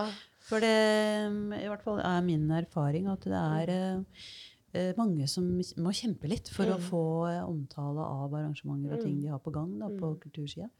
Um, eller de kan føle det sånn. Ja. Eh, og så er det jo uh, altså For den delen av uh, lokalsamfunnet som da for en stor del er drevet av frivillighet eller har utrolig dårlig økonomi, eh, så er det dyrt å annonsere. Mm. Så det blir jo en del av det å få eh, ut noe om det man driver på med. Mm. Det er jo å få KV til å komme og skrive, og, ikke sant? at det blir litt oppmerksomhet rundt ting. Ja. Og så virker det som man bor i en by, hvis det står noe om sånne ting i avisa. Ja. Da kan det jo man bli lurt og fornøyd at, man faktisk bor i en by der det, der det, skjer, der det faktisk skjer noe Ja. i det hele tatt. Og jeg, men jeg, men jeg syns jo at vi, at vi dekker opp en del, men vi dekker, vi, kan, vi dekker jo ikke opp alt. Og det er jo ikke fordi at vi ikke har lyst, det er jo fordi at vi, vi er i en eh, situasjon at man må, man må prioritere hva man, hva man gjør. Det er én stor forskjell som jeg tenker fra eh, trykksvertestinkende Vestmar eh, til dagens situasjon. og Det er jo at du har en umiddelbar respons på, og det tipper jeg er en ganske stor del av virksomheten deres nå, det er at du vet umiddelbart hvilke saker som funker. Og da er, da er parameteret der ikke mm, hva, Nå fikk vi umiddelbar respons på samfunnsnytta i dette, eh, denne artikkelen. Men klikk. Jo, men alt handler jo ikke om klikk heller. Altså, hvis man, hvis man skal Ja, men også nå Ja, men føler jeg at Nei, nei, nei, nei. Ja, men du, vi må bare få lov å spørre litt. Fordi at det, Det var bare så det er deilig en, å si. en sammenheng mellom eh, ikke sant? Fordi at eh, Når du forteller at dere gjør det veldig bra økonomisk, så er jo det, det er jo veldig bra, det. Men det må jo også bety at eh, ja, dere får inntekter fra f.eks. fra annonsører. da. Eh, og når dere kan vise til at dere får mange klikk, da. Så, for det er jo det de er, er interessert i, vil jeg tro. Ja, altså de som eh, abonnerer, eller nei, de som annonserer Annonserer, ja, eh, eh, digitalt, så er, er jo det en greie. Ja. Mm. Men for, men for oss så er det jo Vi, vi, vi vet jo Altså, vi har jo statistikk. Vi har veldig mye statistikk. Eh, så vi vet jo hvilke saker som blir godt lest, og hvilke saker som ikke blir Hvilke, godt hvilke saker blir godt lest? Nå kan du røpe Skal jeg røpe det? Ja. Folk er Nå er jeg spent. Er du spent? jeg vet i hvert fall en sak som ikke blir så lest. Er dere klare? Ja. Eh, bildeserier av folk syns folk oh, ja. er veldig gøy. sånt. Det klikker jeg også på. det er kult. Det er jo storartet Det, det var moro å Hvem høre. var på, ja. På et eller annet arrangement? Det liker jeg. Ja. Og så gladsaker. Vi ble jo intervjuet, eller jeg ble intervjua av eh, Sondre tidligere i dag. Ja. Og han eh, fortalte også det, at det, det er jo gladsaker som ofte blir eh, for mye oppmerksomhet. Da. Ja, det, er- det er ofte det. Jeg, jeg er med på det. Altså, jeg, jeg skal ærlig innrømme at jeg tidvis eh, unngår litt sånne der, eh, triste nyheter. For ja, jeg har ikke lyst til å lese om det. Jeg har lyst til å lese om uh, holdt på å si katten som blir redda opp i- Det i er, treet. det er et tips til alle som skriver om koronaviruset nå. Prøv å vinkle det som en gladsak. ja, ikke sant? Det er en utfordring, tror jeg, men eh, Det er sikkert noen solskinnshistorier innimellom der. Altså. ja. Det er nok uh... Den Men er, det er- litt, har litt morsom form. Koronaviruset, hvis, Ja. hvis du ser på det. det er grunnen til at det heter koronavirus, er at det er sånne kroner på det. Det har ikke noe med korona servert seg Så det, men kan, det kunne man ha en litt sånn artig form på det. Lærer noe nytt hver dag. Gladvinkling. Ja, det er bra. Ja. Nei, men det er jo interessant det er hvordan eh, disse her tingene henger sammen, da. Mm. eh, For oss som eh, bare er konsumenter av avisa. Mm. Eh, Men, men vi er jo egentlig ikke bare det. For at vi, det, en, en lokalavis er jo en viktig ingrediens i et lokalsamfunn. Absolutt. Det er jo det stedet der Et av de stedene som Ja, det er jo helt nødvendig for at Mm. et lokaldemokrati skal funke. Det er det. Så, så det er jo Vi, vi prøver å øh, løse den oppgaven vi har fått, da, med beste evne. Mm. Uh, og så tenker jeg at en viktig del av det å være, altså, å være en lokalavis, da, er jo også det at man må få feedback Mm. Fra leserne våre. Mm. Så, og nå vet jo, alle vet jo hvor vi holder til. Og det skjer fra tid til annen at folk kommer innom og er uh, sinna, eller om de er glade, eller uh, Ja, så den uh, Altså, det å ha den dialogen også da, med leserne syns jeg jo er en, en fin greie. Og i Kragerø så har man jo mer Altså, man har jo muligheten til det. Mm. Det har vært mange legendariske dørvakter som har stått og vokta inngangen til de kontorene. Ja. Kanskje du kunne fått, eh, kanskje kunne fått en og spurt Kjell Inge eh, Minde, byens sheriff, om han eh, kunne stått nei. Døra vår er åpen, det er bare å komme inn. Ikke sant? Ordner seg det. ja, ja. Kan være litt hektisk eh, sånn eh, ti på to på en fredag, men ellers så, så er det bare å komme. Sånn, uh, apropos eh, eh, den fjerde statsmakt, eh, Ja. og eh, det å holde litt øye på hva som foregår. Mm. Eh, Jeg lurte på liksom, Hvordan opplever eh, KV eh, tilgangen til informasjon inn mot Det er kommunen? Bra. Er det, er det lett å få kommunen i tale og få svar på spørsmål? Jeg opplever kommunen som eh, ganske samarbeidsvillig, egentlig. Eh, vi har en god dialog med veldig mange av de som jobber i kommunen. Og så kommer det selvfølgelig an på åssen type sak det er, da. Det er jo, eh, man har regler å forholde seg til, og paragrafer, og det skal vi jo være veldig glad for. Eh, Men, men sånn overordna så har vi, vi har en veldig god dialog med kommunen. og og de har jo liksom Det er åpenhet, og det skal være det, og vi har rett til å få innsyn. Og, og vi, vi opplever ikke mye knek på det, altså. Det, så jeg, jeg opplever det som en veldig sånn fin greie, da. Og at de også er eh, Forstår at ting må skrives om, selv om det ikke nødvendigvis er veldig positivt, da. Det er bra. Men det har jo forekommet òg at eh, ansvarlig redaktør har vært ute og etterlyst litt større åpenhet i forhold til noen saker. Er Ja, det har det vel kanskje før min tid. Ja. I forhold til de retningslinjene som eh, forrige rådmann, når det fortsatt var rådmann, Mm. eh, utstedte eh, for kommuneansatte. Man skal, jo, man skal jo aldri, og det er jo viktig, man skal jo aldri hvile helt når det gjelder den, eh, den dialogen der med innsyn og sånn. For eh, hvis man opplever at man får avslag i et innsyn, f.eks., og man mener at, eh, at det ikke er riktig, så benytter man seg av muligheten til å klage, da. Og det har man jo, det har man jo alltid. Så man, man skal ikke stole blindt på det heller. Men sånn i det daglige, da, med vanlige saker, så opplever jeg at det er eh, at man har et godt samarbeid, da. Har du, er det sånn da at eh, du føler at du kan eh, gå til driftssjefen når det er tekniske spørsmål, eller eh, kultursjefen, så vil du få et svar av den personen, eller en saksbehandlere, eller er det sånn at man må prate med eh, noen andre for å få svar Jeg går rett på, jeg. rett på? Ja. Rett på den personen som har noe med det å gjøre. Og så, hvis jeg har misforstått, og den personen ikke har noe med det å gjøre, og det er noen andre som må svare, så har jeg en sånn holdning, da. Eh, hver eneste dag så tenker jeg at eh, det verste svaret man kan få, det er et nei. Ja. Men det er jo ikke så gærent, ikke sant? Så jeg, jeg ringer rundt. Og hvis jeg ikke finner svar på noe, så ringer jeg rett til ordføreren. Ja. Ja, men da, da, må du, da må du gjøre det. Da bare ringe. Ja. Og det verste svaret man kan få, er jo et nei. Ja. Så, sånn, sånn er det i min bransje. Mm. det er ikke så farlig å få et nei. Man bare jobber Nei, litt da det hardere er da. jeg egentlig ikke redd for i det hele tatt. Og så tenker jeg ok, men skal jeg ikke snakke med deg, hvem skal jeg snakke med da? Så Mm. fortsetter man på runda da. Men det er jo et veldig stort spenn i sakene vi jobber med, så det kommer veldig an på. Ja, så vi hadde jo et sånt eh, ytringsfrihetsseminar her på Kragerø-instituttet. Og da hadde vi besøk bl.a. blant andre av eh, redaktøren i Drangedalsposten, Ja. som jo har rulla opp eh, en, eh, en stygg sak. Mm. Så gladsak. Det var ikke gladsak. Nei. Nei. Og Det han har jo fått tynn for det. Mm. eh, og sikkert heftig, vanskelig. Eh, men han snakka også litt om eh, eh, problematikk knytta til å få informasjoner fra, fra det kommunale systemet Mm. på andre saker Mm. også.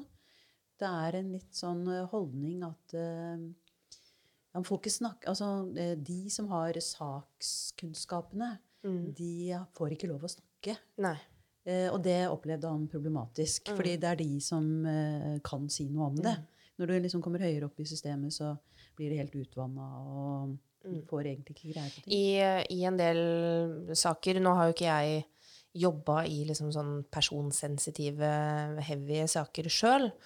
Men, eh, men det er jo eh, taushetsplikt som, eh, som ofte kan gjøre det utfordrende å få informasjon. Da. Mm. Og det er jo gjerne den man, altså, den man må bruke. Og de reglene er jo til av en grunn. Men så må Jo. man jo ta vurderinger når, når man på en måte må unntas den, da. Ja, og så er det jo en Kragerø kommune, som mange kommuner, har Mm. et eget eh, reglement, altså en slags restriksjoner, som de eh, har påført seg selv Mm. for hvordan de skal håndtere presse, og, Mm. og hvem som skal uttale seg på vegne av, eh, av kommunen. da. Mm. Med de beste intensjoner. Ja, ja helt sikkert. Så, men, men jeg tror at eh, det, kom kommer jo fram da på det seminaret. altså En frustrasjon eh, blant en del folk for at eh, de ikke tør. Altså Mm. ansatte kan, i kommunen kan føle at ikke de tør å Mm. snakke. Mm. Eh, og det er jo synd på en måte, når det blir sånn. Eh, Ja, absolutt. Mm, Men en annen ting vi snakka om da, som var artig, Ja, ja. og som vi ikke ble enige om, heldigvis, Ja. det var jo det her bygdedyret. Ja. Som vi prøvde å Ja. si eh, eh, Vi snak, opp det, var ingen, det er jo ingen som snakka om det fordi vi likte det så godt. Men det var litt sånn uenighet om hvorvidt vi skulle snakke om det i det hele tatt. For at, altså, som strategi for å da unngå det som eh, bygdedyr står for. Så, jeg skulle jo ha spurt hva du og dere tenker om bygdedyr. Hadde ikke vært for at vi er en by, så vi slipper å snakke om det. Mhm. Så, eh, men hvis, Men Si at vi hadde vært en bygd, da. Mm. Eh, hva hadde du tenkt om i så fall? Byg- Om bygdedyret? Om Kragerøs bygdedyr da? Nei, hva, du må, du må, hva legger du i bygdedyr, Daniel? Ja, det var det. Mm. Um, hva var det vi la i bygdedyr? Hva legger du i bygdedyret? Hva vil Nei, Nå er det du som har funnet opp ordet, da, så nå må du fortelle meg. Nei, men, Eh, eh, Heldigvis er det ikke jeg som har ansvar for ordet, men jeg har, jeg har Det var jeg som nevnte det nå. Nei, men by, Hva er det by- bygdedyret Hva, hva snakka vi om da? Bygdedyret er eh, Jeg mener jo at det er på, det, måte, på en måte det svarte hullet som eh, Det er litt som eh, for at ting skal gå opp Mm. i verdensrommet, så har man svarte hull. Så funker alle andre teorier uten at man nødvendigvis vet hva det svarte Så du snakker hullet om er. en sånn- Det- det En sånn gråsone i byen, er det det du mener? Ja, det er en sånn, sånn slags ukultur og Nei, hvilke men- maktstrukturer som Eh, ligger nå, der. Og, nå vil- vil jeg skyte inn eh, før vi begynner å snakke om eh, astronomiske greier. ja, nå- Men eh, bygdedyret, slik jeg oppfattet det, så var det jo på en måte et, et sett med normer og regler som folk eh, pålegger seg selv eh, å, forholde seg til. Eh, fordi, fordi man mener at man kommer til å få en eller annen form for represalie dersom man går utover de reglene. da. Eh, sånn at, eh, sånn som i Drangedal, han, eh, han eh, redaktøren i Drangedalsposten, han henviste til det bygdedyret da han prøvde å få lærere i tale eller andre eh, som eh, kunne si noe om f.eks. Den, den mobbesaken. Eh, så møtte han jo da lukkede dører og mange mennesker som ikke turte å ytre seg. Og så spør han seg selv hvorfor i all verden tør du ikke det? Nei. Jo, det er jo det at eh, kanskje eh, hvis man sier noe som ikke er fordelaktig for, eh, for en annen person i, i, systemet, så vil det på en måte gå utover eh, ens arbeidssituasjon, eller kanskje ektefellens arbeidssituasjon, den type ting. og så sitter fetteren min der og jobber der. Så Ja. jeg må, altså, det, er jo, det, er jo, det er jo ukultur. Ja. Men så er det litt sånn uangripelig, for at man vet ikke hvem det er eh, som man da egentlig er redd for. Eh, og så, sånn som eh, Thea Fjørtoft var jo der og, og sa det at vi burde egentlig slutte å bruke det begrepet. Vi burde heller uh, være litt mer konkrete og så si vet du hva, jeg er, jeg er faktisk redd for å uttale meg om denne saken fordi det uh, tror jeg vil eh, gå utover meg Kan i den situasjonen. Ikke sant? Fordi det, akkurat det, den institusjonen eller det ja, det mennesket eller noe sånt så kan uh, straffe meg da, i, i den andre enden. Eh, og det er jo et poeng, ikke sant? Altså, at, eh, for dette da, Og da kom også dette opp blir det konkret. Ja. Og da kom også dette opp med at uh, uh, Ikke sant eh, Varslere. Mm. Det er en grunn til at, eh, at vi har et behov for å beskytte varslere. Mm. Og det er jo for at de skal komme til orde, fortelle om saker og ting. Mm. Eh, fordi eh, hvis vi ikke hadde hatt det her, eh, den eh, litt nye apparaturen rundt med at de får beskyttelse når de skal varsle, så hadde det ikke kommet fram, fordi det fungerer ikke. Ikke sant? Det, det, er, det er ikke sånn at, eh, at, det- at det er ytringsfrihet. Ikke sant? For det er noen mekanismer som gjør at folk holder kjeft. Ja. Og det er klart, der kommer jo selvfølgelig den fjerde statsmakt eh, inn Mm. som eh, en veldig viktig aktør. Um, og det, det å så drive også på lokalt plan, da. Det er jo det han har gjort, han der oppe i Drangedal. Ja. Stensrud. Mm. Ole Magnus Stensrud. Uh, og det Nei, nei nå tok Det jeg feil. Ja, det var forrige forrige rådmann. Hva er han heter igjen? Uh, Jan Jan Magne, eller noe sånt. Ja. Uh, men i hvert fall Stensrud. Han, han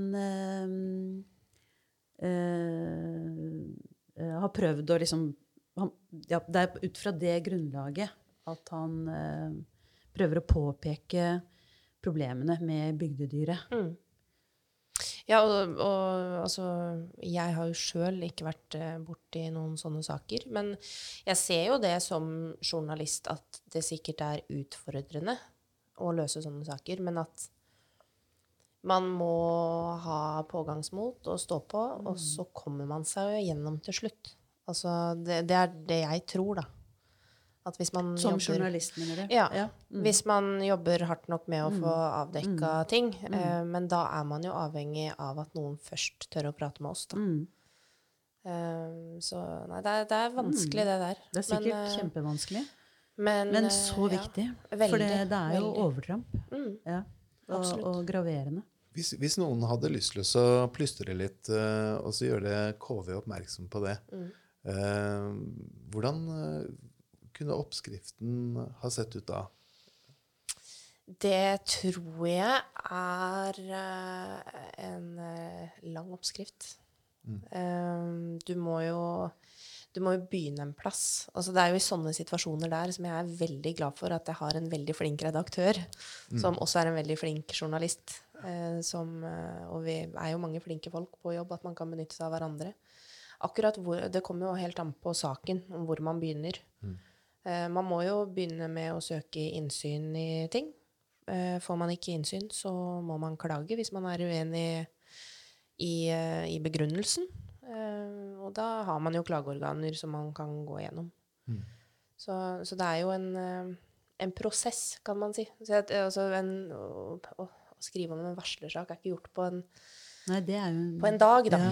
kan man si. Men, men eh, er man sikra anonymitet? Ja, eh, altså eh, Presten jobber jo alltid eh, sånn at er det fare for eh, personens liv og helse, så er man Da er det liksom Det er som regel eh, hovedregelen til at man skal gi anonymitet, da. Em, men vi er jo et demokrati, så, så for oss så er det jo alltid, og for samfunnet i det hele tatt, så er det jo alltid best at folk står fram med historiene sine. Og det er jo også for å sikre troverdighet. Um, men det er jo også veldig saksavhengig hva, Mm. hva det innebærer. Har du noen gang vært borti den type saker? Nei, Nei. Jeg har ikke det. Nei. Men det er det som er så spennende med å, med med å jobbe i en avis som KV òg, da. At man Jeg er jo ikke ansatt til å bare skrive om kultur eller bare skrive om sport. Jeg skriver om alt mulig. Og jeg har tror aldri at jeg har lært så mye i løpet av et år, altså som det siste året nå. At man lærer ting hele tida. Så, så det, det jeg, Man håper jo aldri på en varslersak, men om man hadde Om man eh, hadde fått en i fanget, så tror jeg nok at det ville vært eh, lærerikt å jobbe med. Mm. Det tror jeg nok. Mm. Men at man da selvfølgelig må bruke kollegaene rundt seg også. Ja, ja, ja. Og det er jo viktig at man Mm. eh, Spesielt når man er en så variert redaksjon som vi er, da. Mm. Vi har liksom Sondre som er 25, Mm. 24. Så har vi Marius, og så har vi meg, da. Og Espen. Så vi, og Ja. Per og Jimmy, og vi har liksom alle aldre. Alle Mm. varianter. Så vi kan bruke hverandre. Mm, mm. Eh, Dere har jo også, som alle redaksjoner, denne Vær varsom-plakaten. Ja. Eh, og eh, hvis du kan, eh, du kan sikkert eh, alle de punktene på rams, men, men hvis, hvis du skulle peke på noe som er spesielt utfordrende for en lokalavis i, av disse punktene, hva kunne det være? Det er vanskelig. Um, Jeg tror du må prøve å prate litt inn i den tutten. ja. Det er vanskelig spørsmål. Ja. Um, alle punktene i den plakaten er jo veldig viktig. Uh, men det er jo et punkt som veldig mange aviser blir felt for uh, av PFU. Uh, og det er jo Hva er den PFU for lytterne? Pressens faglige utvalg. Mm. Eh, og blir man, blir man dømt der, så det er eh, ikke bra. Da har du, eh, da har du bryte, bryte reglene. Mm. Eh, og da er det en, eh, et punkt da, som går igjen av de som blir felt, og det er eh, re, altså den regelen om samtidig møtegåelse. Og den kan være veldig utfordrende når man jobber i et hektisk miljø. Da. Mm.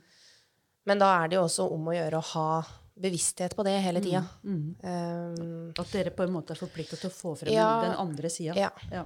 Det er det de er veldig flinke på Dagsnytt, uh, Dagsnytt 18. Til å si at nå må vi passe oss, for vi skal, ikke si mer om han nå, for han er ikke her til å forsvare seg, pleier de å si. ja, det, det er jo en, en regel. Altså er det per, altså, kritikk mot personer, så har man alltid rett til å svare for seg, da. Det er jo Det er kjekt for de. Men jeg pleier ofte å tenke at åh, nå som det begynte å bli så gøy, Ja. og så skal du være så voksen og si at eh, nei. Men jeg tenker at det er jo også vår oppgave i det, da. At vi skal jo på en måte få fram begge sider av saken og være så nøytrale som overhodet mulig. Ja, er det et ideal? Ja, det vil jeg si. Mm. Er, det, er det et eh, tillært Altså, er det man, er det noe man på journalistutdanninga man snakker om? Ja, det er jo det. Eh, altså, det, er jo en, det er jo en grunn til at man som journalist ikke skal være aktivt medlem i et politisk parti, f.eks. Mm. Men er det en hvordan uttrykk, altså er det en regel? Er det, Det er en regel, ja. For, som dere har på ansettelsesbetingelser, eller er det, Det står vel i Vær varsom-plakaten også. jeg gjør det det? Jeg tror det. Altså, jeg, jeg, Hvis ikke så er det bare en, eh, en sånn eh, selvskreven Nei, jeg mener det står, det står der også. Jeg har plakaten her, da. Ja, Vi har, vi har også fått tak i har jo med det. Nei, for det, jeg, det som jeg syns er veldig interessant, da, Mm. det er eh, den utrolige eh, samfunnsoppgaven Mm. man har tatt på seg. Mm. Og det, det er ganske sånn omfattende når du leser her liksom, hva, hva som er eh, pressens eh, samfunnsrolle. Ja. Eh, ytringsfrihet, informasjonsfrihet og trykkefrihet er grunnelementer i et demokrati. En fri, uavhengig presse er blant de viktigste institusjoner i demokratiske samfunn. Mm. Det er jo ved siden av Det høres så ja, deilig ja, ut. Altså. sant? de andre tre eh, makt, maktene. Mm. og, og, og så står det jo lista opp videre nedover her. Ja. Så um, Nei, det er et stort, eh, Ja. et stort oppdrag. ja. Det, det er det. Ja, Og det så, og da tenker jeg litt på altså, eh, Hvis, eh, hvis eh, altså Ideelt sett, da. Mm. En lokalavis er veldig på på det som skjer i et lite lokalsamfunn eh, som omhandler den slags type ting. Mm. Eh, så blir det en veldig levende, viktig eh, organ Mm. som eh, ja, vi vanlige folk kan forholde oss til å bruke. Jeg er helt enig, og enig med deg, Knut. det er gøy med gladsaker. Mm. Men jeg mener at, eh, at jeg, jeg bryr meg Ja, ok, det er ok med gladsaker. Du trenger det iblant. men men er, det det, er det det viktigste, liksom? Som Nå spør jeg sånn, ikke bare til deg, eh, eh, Jeanette, er liksom til oss selv, alle sammen. Er det er det, det vi vil bruke Ja, lokalavisa så til? den, den gylne middelvei er jo fin der, ikke sant? Litt, Ja. Av, eh, litt av hvert. Ja. Så kan man jo velge å gå inn på det som, eh, som man er, føler man er i form til. Mm. Eh, For jeg merker jo eh, personlig at jeg, jeg kan eh, la meg tynge av eh, litt sånn kjedelige nyheter, eller triste nyheter, da. Så- Jo, men en ting er triste nyheter, Men- som, men vi som hvis jo- det skjer tragiske ting. Vi trenger jo ting. viktige nyheter, eller Ja, fordi- viktige definert Ja, som altså jeg tenker sånn for eksempel på Vi har jo eh, store saker for et lite lokalsamfunn, som Mm. eh, utbyggingssaker osv. Og, og da er det jo utro... Kjedelig. ja, ja, ja, Enhver kan bli møka lei, men, men det er jo um, veldig viktig spørsmål for en utvikling av et lokalsamfunn. Og da må jo liksom alle sidene komme frem. Vi må holde på i det uendelige. Altså, det er på en måte det man er forplikta på, da, er det ikke det? Jo, altså, man, man må jo bringe Mm. fram fakta. Ja. Ehm, og så bringe fram de forskjellige synspunktene. Mm. Så det er jo eh, I sånne saker som det, så, så må vi jo følge opp til Mm. altså, spaden står i jorda. ja. må jo det, altså. Ja. Og videre også ennå, for Ja. nå var det jo sagt fra Skrubbodden eh, med videoer fra nesten ferdig bygg. Så Ja da er det jo forbi eh, spadetaket. Vi, Ja, vi er faktisk det, altså. Og det er jo en gladsak. Altså, det er jo Ja. da, for, eller det er i hvert fall eh, det er i hvert fall lagt Mm. som en glad gladsak. da. Men det er jo sånn, for da har man fulgt en byggeprosess fra, fra søknaden har kommet inn, og så holder de på, og da kan man følge underveis i byggeprosessen også. Og det er jo noe folk er opptatt av, å Ja. å liksom se hvordan det blir, da. Det får klikk, det. Ja, det blir eh, godt lest. Ja. ja, men Det er jo moro. At folk ja. følger så med. Det er Jo, viktige også, ting altså- for folk. Og så tror jeg det er at folk er liksom sånn For å, for å se hvordan det blir, da. Hvordan er det underveis? Hvordan Ja. blir det egentlig til Ja. slutt? Og Ja. spesielt med så store Ja. byggeprosjekter, da, så er det jo Og da setter jo vi også veldig pris på at utbyggere og at de vil vise fram hva de driver med òg, da. Mm. Altså, vi snakker ganske ofte i denne settingen her med Mm. våre forskjellige gjester om eh, eh, altså Kragerø-samfunnet. Mm. Vi snakker jo veldig mye om Kragerø. Det er det, Vi er driver, vi driver med det. Ja. Og, heter jo Kragerø-podden, så Ja. det er ikke uten grunn. men, men så har vi begynt å problematisere noen ganger. Altså, eh, for vi vil jo sikkert på hver våre måter, også gjestene våre, eh, Kragerø alt godt og, og en utvikling. Men noen ganger så har vi begynt å spørre om innebærer det vekst. Ja, gjør det det? Ehm, altså nå har jo befolkninga i, i Kragerø vært uh, veldig stabil i veldig, veldig, veldig, veldig mange år. Mm. Lenge før min tid. Mm. Eh, og det er jo Altså, jeg tror nok at man kan ha utvikling selv om man ikke har vekst. Men jeg tror nok at utviklinga kanskje kommer eh, Jeg vet ikke, er lettere med vekst. Jeg vet ikke. Mm. Nei, det er jo ikke noe gitt svar. Det, er, det, er jo ikke noe, noe fasit på det, men uh, vi har jo klart oss bra med rundt eh, er vi 10.005? Mm, 10.006 noe sånt nå, tror jeg. innbyggere. Mm. Og, uh, men, men jeg har jo lyst til at flere skal flytte til Kragerø, og at man får litt mer liv i gatene og altså Ja, ja, men, ja, men det er fint. At, hva, hva, hva, kunne du se for deg da? Liksom, hvordan skulle det være da? Jeg vil jo gjerne ha alle, eh, altså, alle mine venninner igjen. Ja. Ikke sant? Det er jo det man vil, hvis man bare skal tenke på seg sjøl. Mm. Men jeg tenker jo også litt med at eh, Altså på dagtid i sentrum, da. Eh, litt mer eh, folk som er og handler. Eh, bruker byen. Eh, men nå er jo Kragerø veldig mye mer enn bare byen, da. Men eh,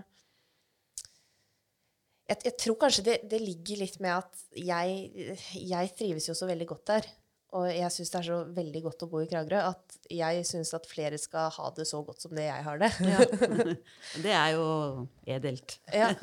Ja. Så Mm. Nei, vi får se. ja. Mm. Dere da, gutter? Er, er dere klar for litt vekst? Jeg kan godt uh, ta imot litt uh, vekst, men jeg er også enig i det at uh, jeg er ikke helt sikker på om vi trenger altså, vekst i populasjonen for at vi skal oppleve utvikling. men jeg ser jo de demografiske tallene, og vi kommer jo til å ha langt flere eldre. I, det er ikke mange år vi skal fremover før vi ser en veldig reduksjon i, i barnetallene. Uh, og det, er, det, det, krever jo en, en uh, omstilling. Mm. En, en, måte vi må, vi må, ta det inn over oss og så uh, skape tjenester som, er, som, møter det behovet, da. og jeg syns det er veldig lurt å tenke forebyggende i den forstand.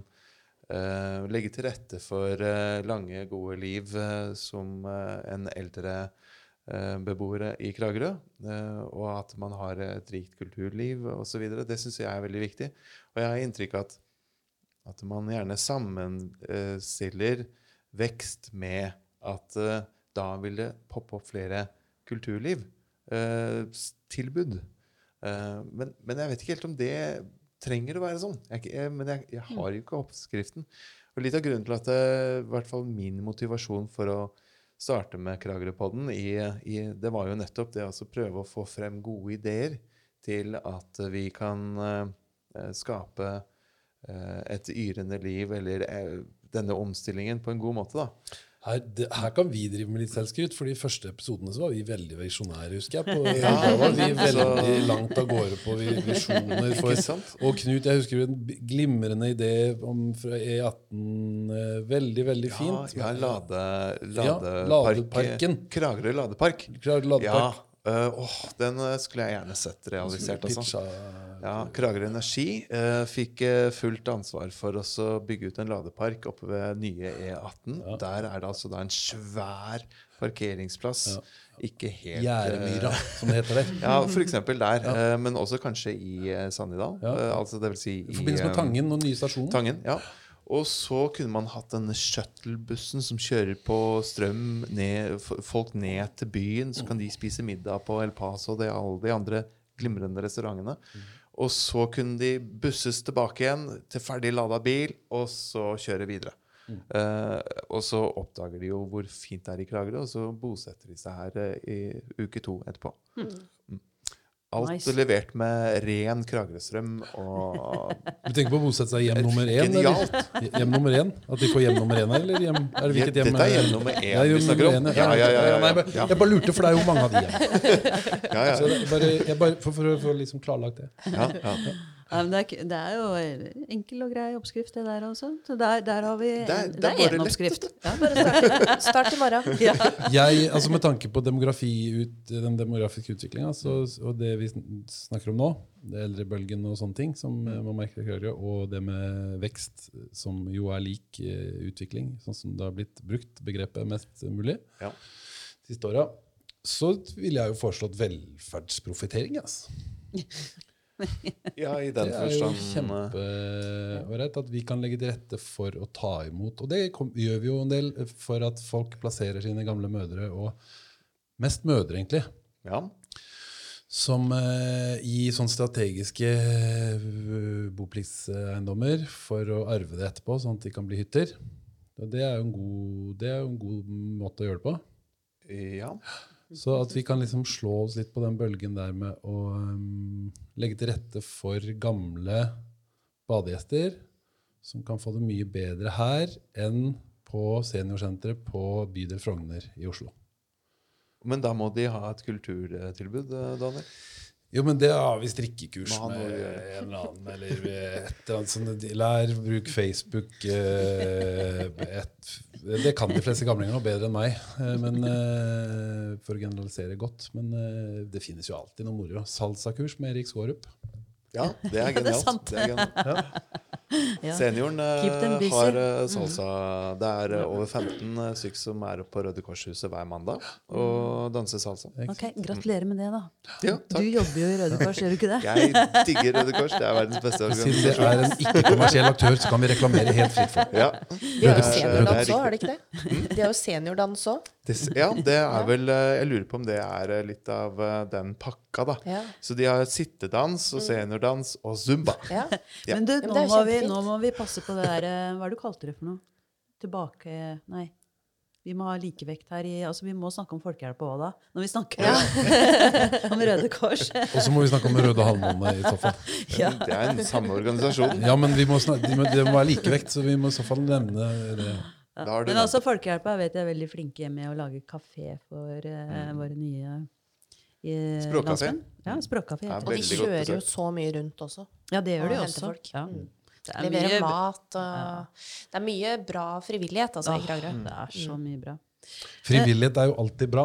Ja, men det Det er er det det. som er fint. Ja. Ja. Det er ikke alltid bra. Det er, syns jeg du var Ikke i i Nazi-Tyskland var det Nei, ikke sånn. Der var det det. dårlig frivillighet. Det er alltid noen unntak.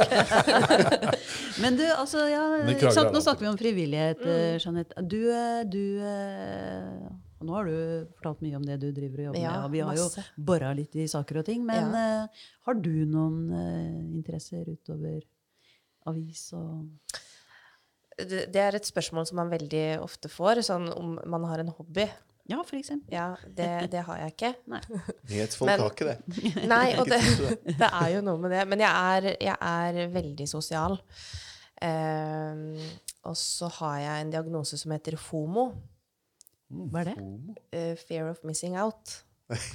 Å! Ja. Da er du på, okay. på Ble- ble dere litt redde nå? er det smittsomt? Nei, jeg bare, Det er veldig det, var, slitsomt. det var en diagnose jeg ikke har hørt om. Ja, men det er en reell diagnose. Det er jeg helt sikker på. For det er, eh, jeg er ikke glad i å gå glipp av noe. Jeg må få med meg alt. Okay. Jeg er veldig sånn nysgjerrig og, og veldig, kanskje litt for sosial. Eh, til tider. Sånn i, i i, da tenker du i, venne, i venneflokken og Ja, altså- Eller i lokalsamfunn? Eller. Ja, det, og Hvis jeg vet om at det er noe gøy som skjer, da, og så vet jeg om at jeg har noen venner som er nede på den konserten i dag, da kan ikke jeg sitte hjemme. Nei. Det går ikke an, for tenk hva jeg går glipp av. Ja. Det er deilig. Da tror jeg kanskje jeg har et lite snev av FONMO, og det er Ja. fear of not missing out. Ja, ikke sant? så, så Nei, jeg er veldig, veldig sosial. På godt og vondt, helt sikkert. Men jeg har jo jobba på pub i veldig mange år, så det kan hende ja, du har det, ja. Ja, jeg har jobba på Stopp en Hall i ti år. Hvor sier du det? Nei, elleve ble det okay. til slutt. Ja. Ja, ja. Så, og når man er sånn pubdame, så er man vant til masse folk, og så blir man kjent med masse folk, og så Har man det gående? Da har man det gående. Det er akkurat det det er. Da er det fortløpende, som Daniel pleier å si. Det er det, vet du. Jeg må Men, bare eh, skyte ja. inn, eh, for Det er litt artig, for nå er det kommet opp to nye begreper. Jeg tror uh, FOMO lurer jeg på om jeg har hørt om før. Ja. Er det, ja. Men, men du nå, Daniel, du Mm. introduserte noe helt nytt, tror jeg. Fondmo. Fo- Fondmo. Fondemo.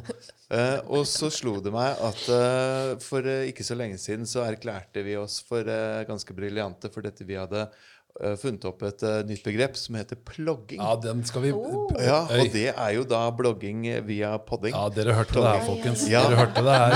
Men vet du hva? Nei, er- ikke si det. Jeg googla det. Nei.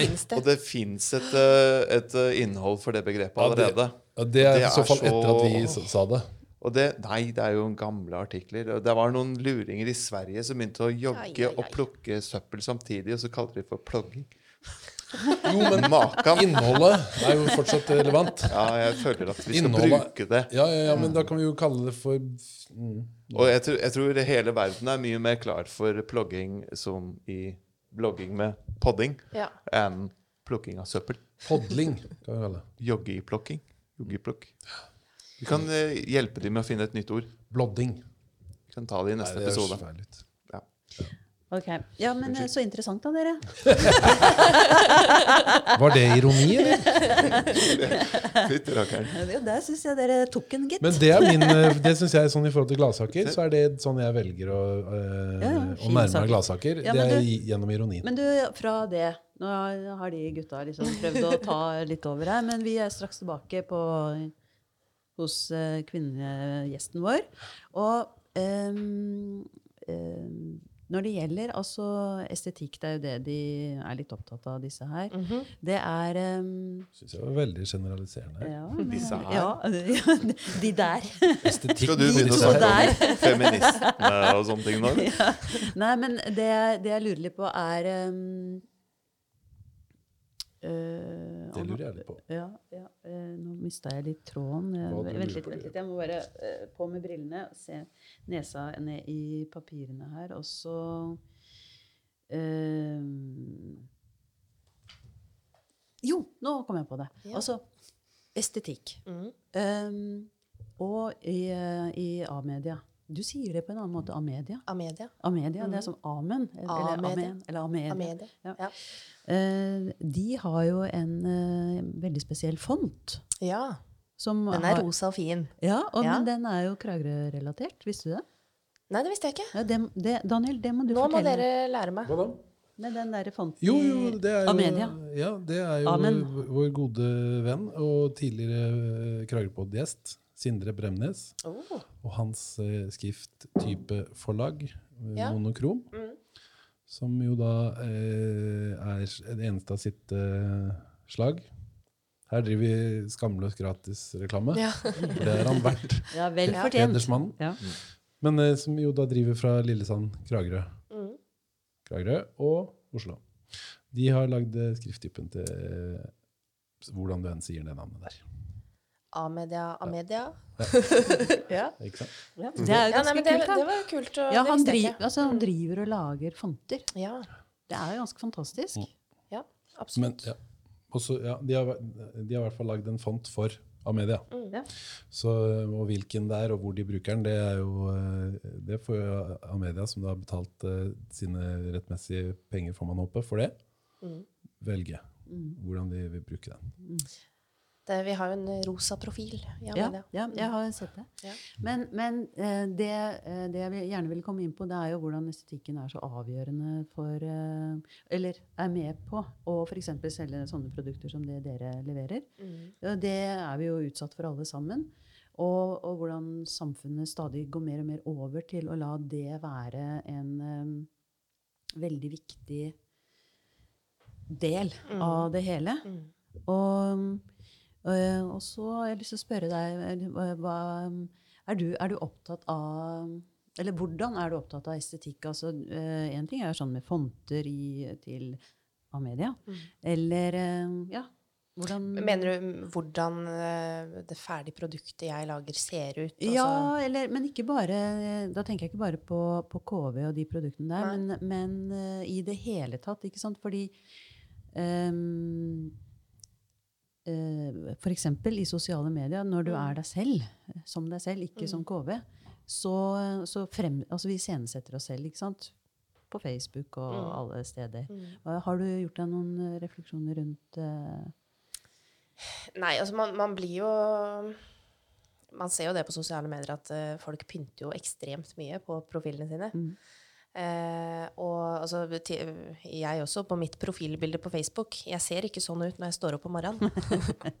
så, så, så til en viss grad så bryr man seg jo om det. Mm. Men jeg er ikke den som som eh, leiter etter locations når jeg er på ferie for å ta et kult bilde. Mm. Jeg er ikke den. Jeg, jeg er mer opptatt av å nyte at jeg er der. Ehm, ja, og, men så er jeg jo en, altså, i sosiale medier-generasjonen, så jeg er jo også ganske flink til å oppdatere alle hjemme om hva de går glipp av. Ja. ja. Det er det man gjør. Ja. Ja. Mm. Jo, men det, det er jo litt sånn at eh, Se hvor jeg er nå. Jeg er så heldig. det blir litt sånn, da. Ja. Men, eh, men jeg er vel ikke jeg, er vel ikke, jeg tror ikke jeg er den verste på, liksom, på, på den delen der. Men eh, det er ganske fascinerende å se hva slags liv folk lever i sosiale medier. Eh, og hvordan de lever egentlig. Ja, og så jeg tenker eh, eh, Du er veldig sosial, du har en stor venneflokk. Mm. Og, og, og sånne flokker er, eh, i den alderen som du er, er jo mye på sosiale medier, har jeg forstått. Mm. Absolutt. Og, og da er det eh, Insta. Det heter ikke Ja. Instagram, men det heter Insta. Ja. Akkurat som København heter Kjøben. og det er Snap. Og Trondheim heter Trond. Ja. Den var Spania heter Syden. Skal det være relevant nå? Ja. Og da, da var tenker jeg er, du- er du på alle de der? Ja, eh, Jo, men jeg er jo det. Ja. Jeg må jo innrømme er du, det. Jeg, på, Hvilken er yndlingsplattformen din? da? Eh, jeg bruker veldig mye Facebook, da. Men det er jo også fordi jeg bruker Facebook mye i jobben. Ja. Eh, fordi veldig mye tips til saker og sånn finner man jo faktisk på Facebook. Ja. for folk legger ut. Men ja. Så jeg syns jo det er veldig gøy å bla gjennom og se på bilder på Instagram også. Jeg liker jo at eh, ting er altså visuelt, da. Det er jo med bilder at man ser ting. Mm, Eh, men eh, Nei, jeg, jeg er jo med på alt det der. Ja. Men samtidig så er jeg ikke, jeg er ikke redd for å drite meg ut i sosiale medier. Mm. Jeg kan altså Eller i avisa, for den saks skyld. Uh, kommer jo selvfølgelig litt an på hva, men det var jo, hadde jeg vært veldig redd for å drite meg ut, så hadde jeg jo liksom ikke skrevet en, altså, to kronikker om katta mi. Ja. Det hadde på en måte vært For det, det er jo veldig snevert.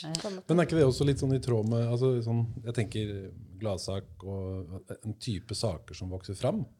Et mer behov for å lese. Altså, hva folk ønsker å skrive. Jeg, jeg har det er jo ikke noe hemmelighet at jeg skriver kjedelige og vanskelige og triste kronikker. Av og til. Sinna. At det sinna, På enspora, trange på grunn- Nei, ikke da. Er det jo, da prøver jeg å være litt mer sånn kronikkforfatteraktig. Okay. Men det som er- er det du som ligger bak eh, de andre? Å ja, la oss er få litt avsløringer. Er Avslørte det- du? Ja, nei, det kan, jeg, det, kan, det kan jeg avsløre, som jeg for øvrig sa i stad, at eh, vi skriver annethvert ord. Nei, men, eh, men, nei, men, sånn, men det, er, det er jo litt sånn Det, er jo en type journalistikk eh, Ja, det blir jo på en måte det. Kronikkskrivent virksomhet man ser. Ja, Type eh, kronikk man ser. Men, men det som er litt sånn med min rolle, da Ja. Når jeg skriver en kronikk, så skal ikke jeg Altså Da er det ikke min oppgave å ytre store meninger. Eh, det er eh, altså Hvis avisa skal eh, ta et standpunkt til ting, da, eh, så er det redaktøren som gjør det på lederplass. Eh, så hvis, eh, Har hvis ikke KV slutta med lederplass, forresten? Jo, det hender, det hender noen ganger Det at vi har det. ja. Hvis det er virkelig ille eller virkelig glatt. Hvis det skjer ting i samfunnet som Ja, hvis, hvis det rører seg ting i, i samfunnet som krever en leder, så, så har vi leder. Men det, vært, det jeg tror jeg mener, er at uh, det hadde jo nesten vært mer dritut for deg personlig hvis ikke du hadde fulgt såpass med i timen Ja. som uh, kronikør. At du faktisk skriver ting som er må- en type som er dagsaktuell uh, type kronikk. Hvis du skjønner? Ja, altså De kronikkene som jeg har skrevet, er jo veldig sånn personlige kronikker. Ja, ja. Um, så jeg har vel ikke skrevet så veldig mye altså, saksaktuelt sånn. Kunne sånn du tenke deg å gjøre det? Ja. eh, man Det kan tror jeg hadde vært stor interesse for å lese. Ja, men igjen da, så er det jo, så er det jo liksom eh, Skal man Altså, min Ja, ja. jobb er jo å være nøytral. Jeg skal Ja. jo ikke Men det er også interessant, for han jeg leste eh, for noen eh, Nå tror jeg det, vi kan snakke om måneder siden. Som det var eh, i uh, Klassekampen. Ingen politisk tilhørighet for øvrig. Bare si det med en gang. Uh, men det var en veldig interessant uh, feature om han Glenn, Jeg lurer på om han heter Glenn Greenwald, han som først skrev om Edward Snowden Ja. han som på en måte breaka den saken. Han er jo amerikaner og bor i, i Brasil. Rio. Og han, et, en av hans fanesaker er jo at han har ikke noe tro på den objektive journalist. Nei. Han har ingen tro på objektiv journalist. Han, eh, og nå er det jo litt sånn at jeg er sinna på meg sjøl fordi at ikke husker den artikkelen bedre, men så, sånn som jeg mener at jeg husker, jeg husker det, så snakker han om at det, det er på en måte hvem, vi som er en nøytral person. Altså Alle har en agenda, alle har, et, har synspunkter om ting. Og, og, det, og, det blir, og det er umulig. Han mener at det, hans påstand at det er helt umulig å skjule de. Eh, eh, Så vi farges jo av eh, vår bakgrunn. ja, og du, det, vil, det vil vinkle det du skriver og det du gjør, uansett, uh, tror jeg er hans påstand. Og jeg må si at når jeg leste det, så var jeg tendert til at det var veldig enig med han. Og, og, tenke, og det han mente òg, tror jeg, er det at det mye, hadde vært mye bedre hvis journalister var ute og var litt mer tydelige på hva de, hva de syns og tenkte og ville, Ja, for å han, han ønsker en sånn åpenhet. ja, istedenfor å etterstrebe en, eh, en, en, en type objektivitet som For allerede i vinklinga ikke sant? Altså jeg, jeg har har jo lett for å være tendensiøs eh, både på den ene og den andre måten. Og jeg koser meg veldig mye med min eh, tendensiøsitet, hvis det er noe som heter det. Men når jeg f.eks. leser en sak i KV der, som, kommer fra, som er sånn eh, av media generert, om at eh, nå har vi nesten slutta å bygge hytter i Kragerø de siste ti åra. Jeg hadde- ikke helt det, da, men at det var mye mye mindre hyttebygging eh, nå enn i de foregående ti, ti åra. så er jo det en sak som er helt Den er, den er jo nesten skrevet av en robot. Eller Yngve eh, Hva heter han? Ja, en eller annen som ikke måte sitter hos dere, men som sitter på media. Ja, Og en sånn sak som han er- er frilanser. Ja, Ja. Eh, så, men greia med den artikkelen er jo at den er helt uskyldig. ikke sant? Og den, den, det er bare, den er en SSB-sak. Det har kommet tall fra SSB. Han viser til at det er eh, bygget færre hytter de siste ti åra i Kragerø enn det blei bygga ti åra før det. Men budskapet i den artikkelen er jo eh, fordi at den da ikke tar inn over seg hvor mange bopliktshus som har blitt hytter, hvor mange leiligheter som har blitt bygga som hytter, hvordan utviklinga er i Kragerø, så, så, blir, så er det en, en så kan den leses på utrolig mange måter. da. Ja. Det er jo en, øh, Den artikkelen som du henviser til, er jo en ren statistikksak. Ja. Eh, Det er jo tall som er henta ut og lagt sammen til en artikkel. Men, eh, men jeg, jeg skjønner jo hva du mener med at man eh, Altså at alle på en måte har jo en bakgrunn og noe som, som gjør at du har en mening, på en måte. For alle mennesker har jo meninger. Men jeg tenker at i den jobben som vi gjør, så er det viktig at man får fram begge sidene av en sak, da, og at man gjør det på en måte som er så nyansert som, som mulig. At man, eh, man på en måte det, det er ikke min oppgave å ta noens parti. Det er min oppgave å få fram fakta og hva, hva de forskjellige partene mener. Da. Um, og veldig ofte så er det en oppgave som jeg trives veldig godt med. At, uh, og, og i politiske saker også så er det liksom ja, folk fra jo- begge ytterkanter som er uh, superhyggelige og greie å prate med, og så skriver man en sak som 'dette skjedde'. Morgenbladet gikk jo vekk fra leder. De hadde, den, deres siste leder eh, handlet om at nå går vi vekk fra lederposten. Eh, fordi de internt i redaksjonen ikke greier å være helt enige om hva de skal skrive, eh, fordi at de har ulike synspunkt. Og så de så skrev de at de hadde tenkt å ha litt mer frigjorte journalister i, som kunne få lov, få lov til å mene litt mer. Men, og så sa de det at eh, lederposten er jo også en avart fra partiavistiden. Og at det er jo noe som er ganske avleggs, da. Ikke Klassekampen, da. Bortsett Den, fra eh, Klassekampen. Bortsett fra den. Og Og sikkert det Nasjonen nå. og Vårt Land. Og, det er jo Og, noen og de. Ja. Men jeg, men jeg tenker jo at det er jo ikke meninga at uh, journalister skal være roboter som ikke får lov til å mene noe. Det er jo heller ikke hensikten med noen ting. Men jeg tenker at det er uh, altså for uh, Vi bor i et dem- veldig altså demokratisk land. Og at folk skal få lov til å si hva de mener. Og da er det ikke Altså, jeg skal videreformidle det. Og, og det, jeg er ikke hvis jeg hadde hatt en voldsom trang med å si mine meninger og, og skrive ledere, så hadde jeg fått ut meningene mine på en annen måte. Men, uh, men jeg tenker liksom at man må gjøre det der på en Og det, det, det syns jeg da handler om å ta den oppgaven vi har, seriøst også. Og bringe det som, det som skjer i samfunnet. For det er det som er vår oppgave. Men det er jo en veldig, det er en veldig, mm, det er en veldig stor og viktig oppgave, selvfølgelig. Og det er en veldig vanskelig oppgave. For det som er åpenbart, er jo at ideelt sett, så ser, og det vi ser jo gjerne på media, som rett og slett et speil som holdes opp, og som viser oss bare oss sjøl i all sin ærlighet og oppriktighet.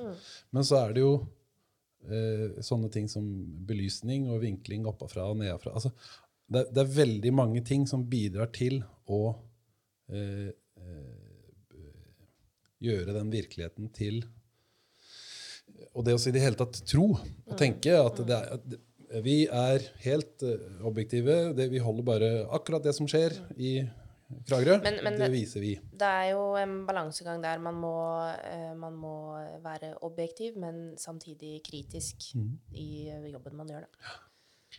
Ja. Det er eh, store, store, store problematikker eh, og utrolig interessant. eh, og det handler veldig mye om verdi, og det handler veldig mye om paradigmer og paradigmeskifter, og hvordan vi ser en utvikling og Ja, det er store spørsmål, da. Eh, men eh, dette er jo Kragerøpodden. Og eh, nå har vi gått litt over tida vår. Så eh, jeg tror vi må prøve å få runda av. Og eh, det var jo veldig gøy at eh, det endte opp med å bli en veldig disk eh, interessant diskusjon på slutten her. Men jeg syns vi har vært innom mange interessante ting. Vi har det. Ja, veldig, veldig ålreit. Og så tusen takk, eh, Jeanette, for at du kom, og at du deler. Takk for at jeg fikk komme. Det var veldig gøy. Det er så bra. Ja, jeg håper du har ikke syns at det har vært eh, anmassende eller noe sånt nå. Jeg føler ikke at jeg har vært på en grillfest. Nei, det er bra. Jeg gjør ikke det. ja, det er bra. Og tusen takk til Daniel og til eh, Knut. Og så må I så vi fall jo- til deg òg, Marit. Å, tusen takk. Ja. Og så må vi jo minne om at eh, folk må følge oss på Facebook. Og at de må gå inn på de forskjellige stedene. Spotify, Eple, podkast Mm. Der, der, eh, der folk laster ned. Ja, og så må de abonnere. Ikke sant? De må Mm. Ja, det er lurt på- å abonnere. Ja. Da Mm. slipper man å tenke på ting. Ja. Da bare Hvis skjer det av seg selv. hvis du har kommet så langt, Ja. Så kan du like gjerne fortsette. Ja. Har du sagt A, så kan du si B. Så uh, tusen takk for nå, alle sammen. Og så er det ikke så lenge til det kommer plutselig en ny uh, Kragerø-pod. Okay. Takk takk for i dag. Tusen takk. Ha det. Takk. Ha det.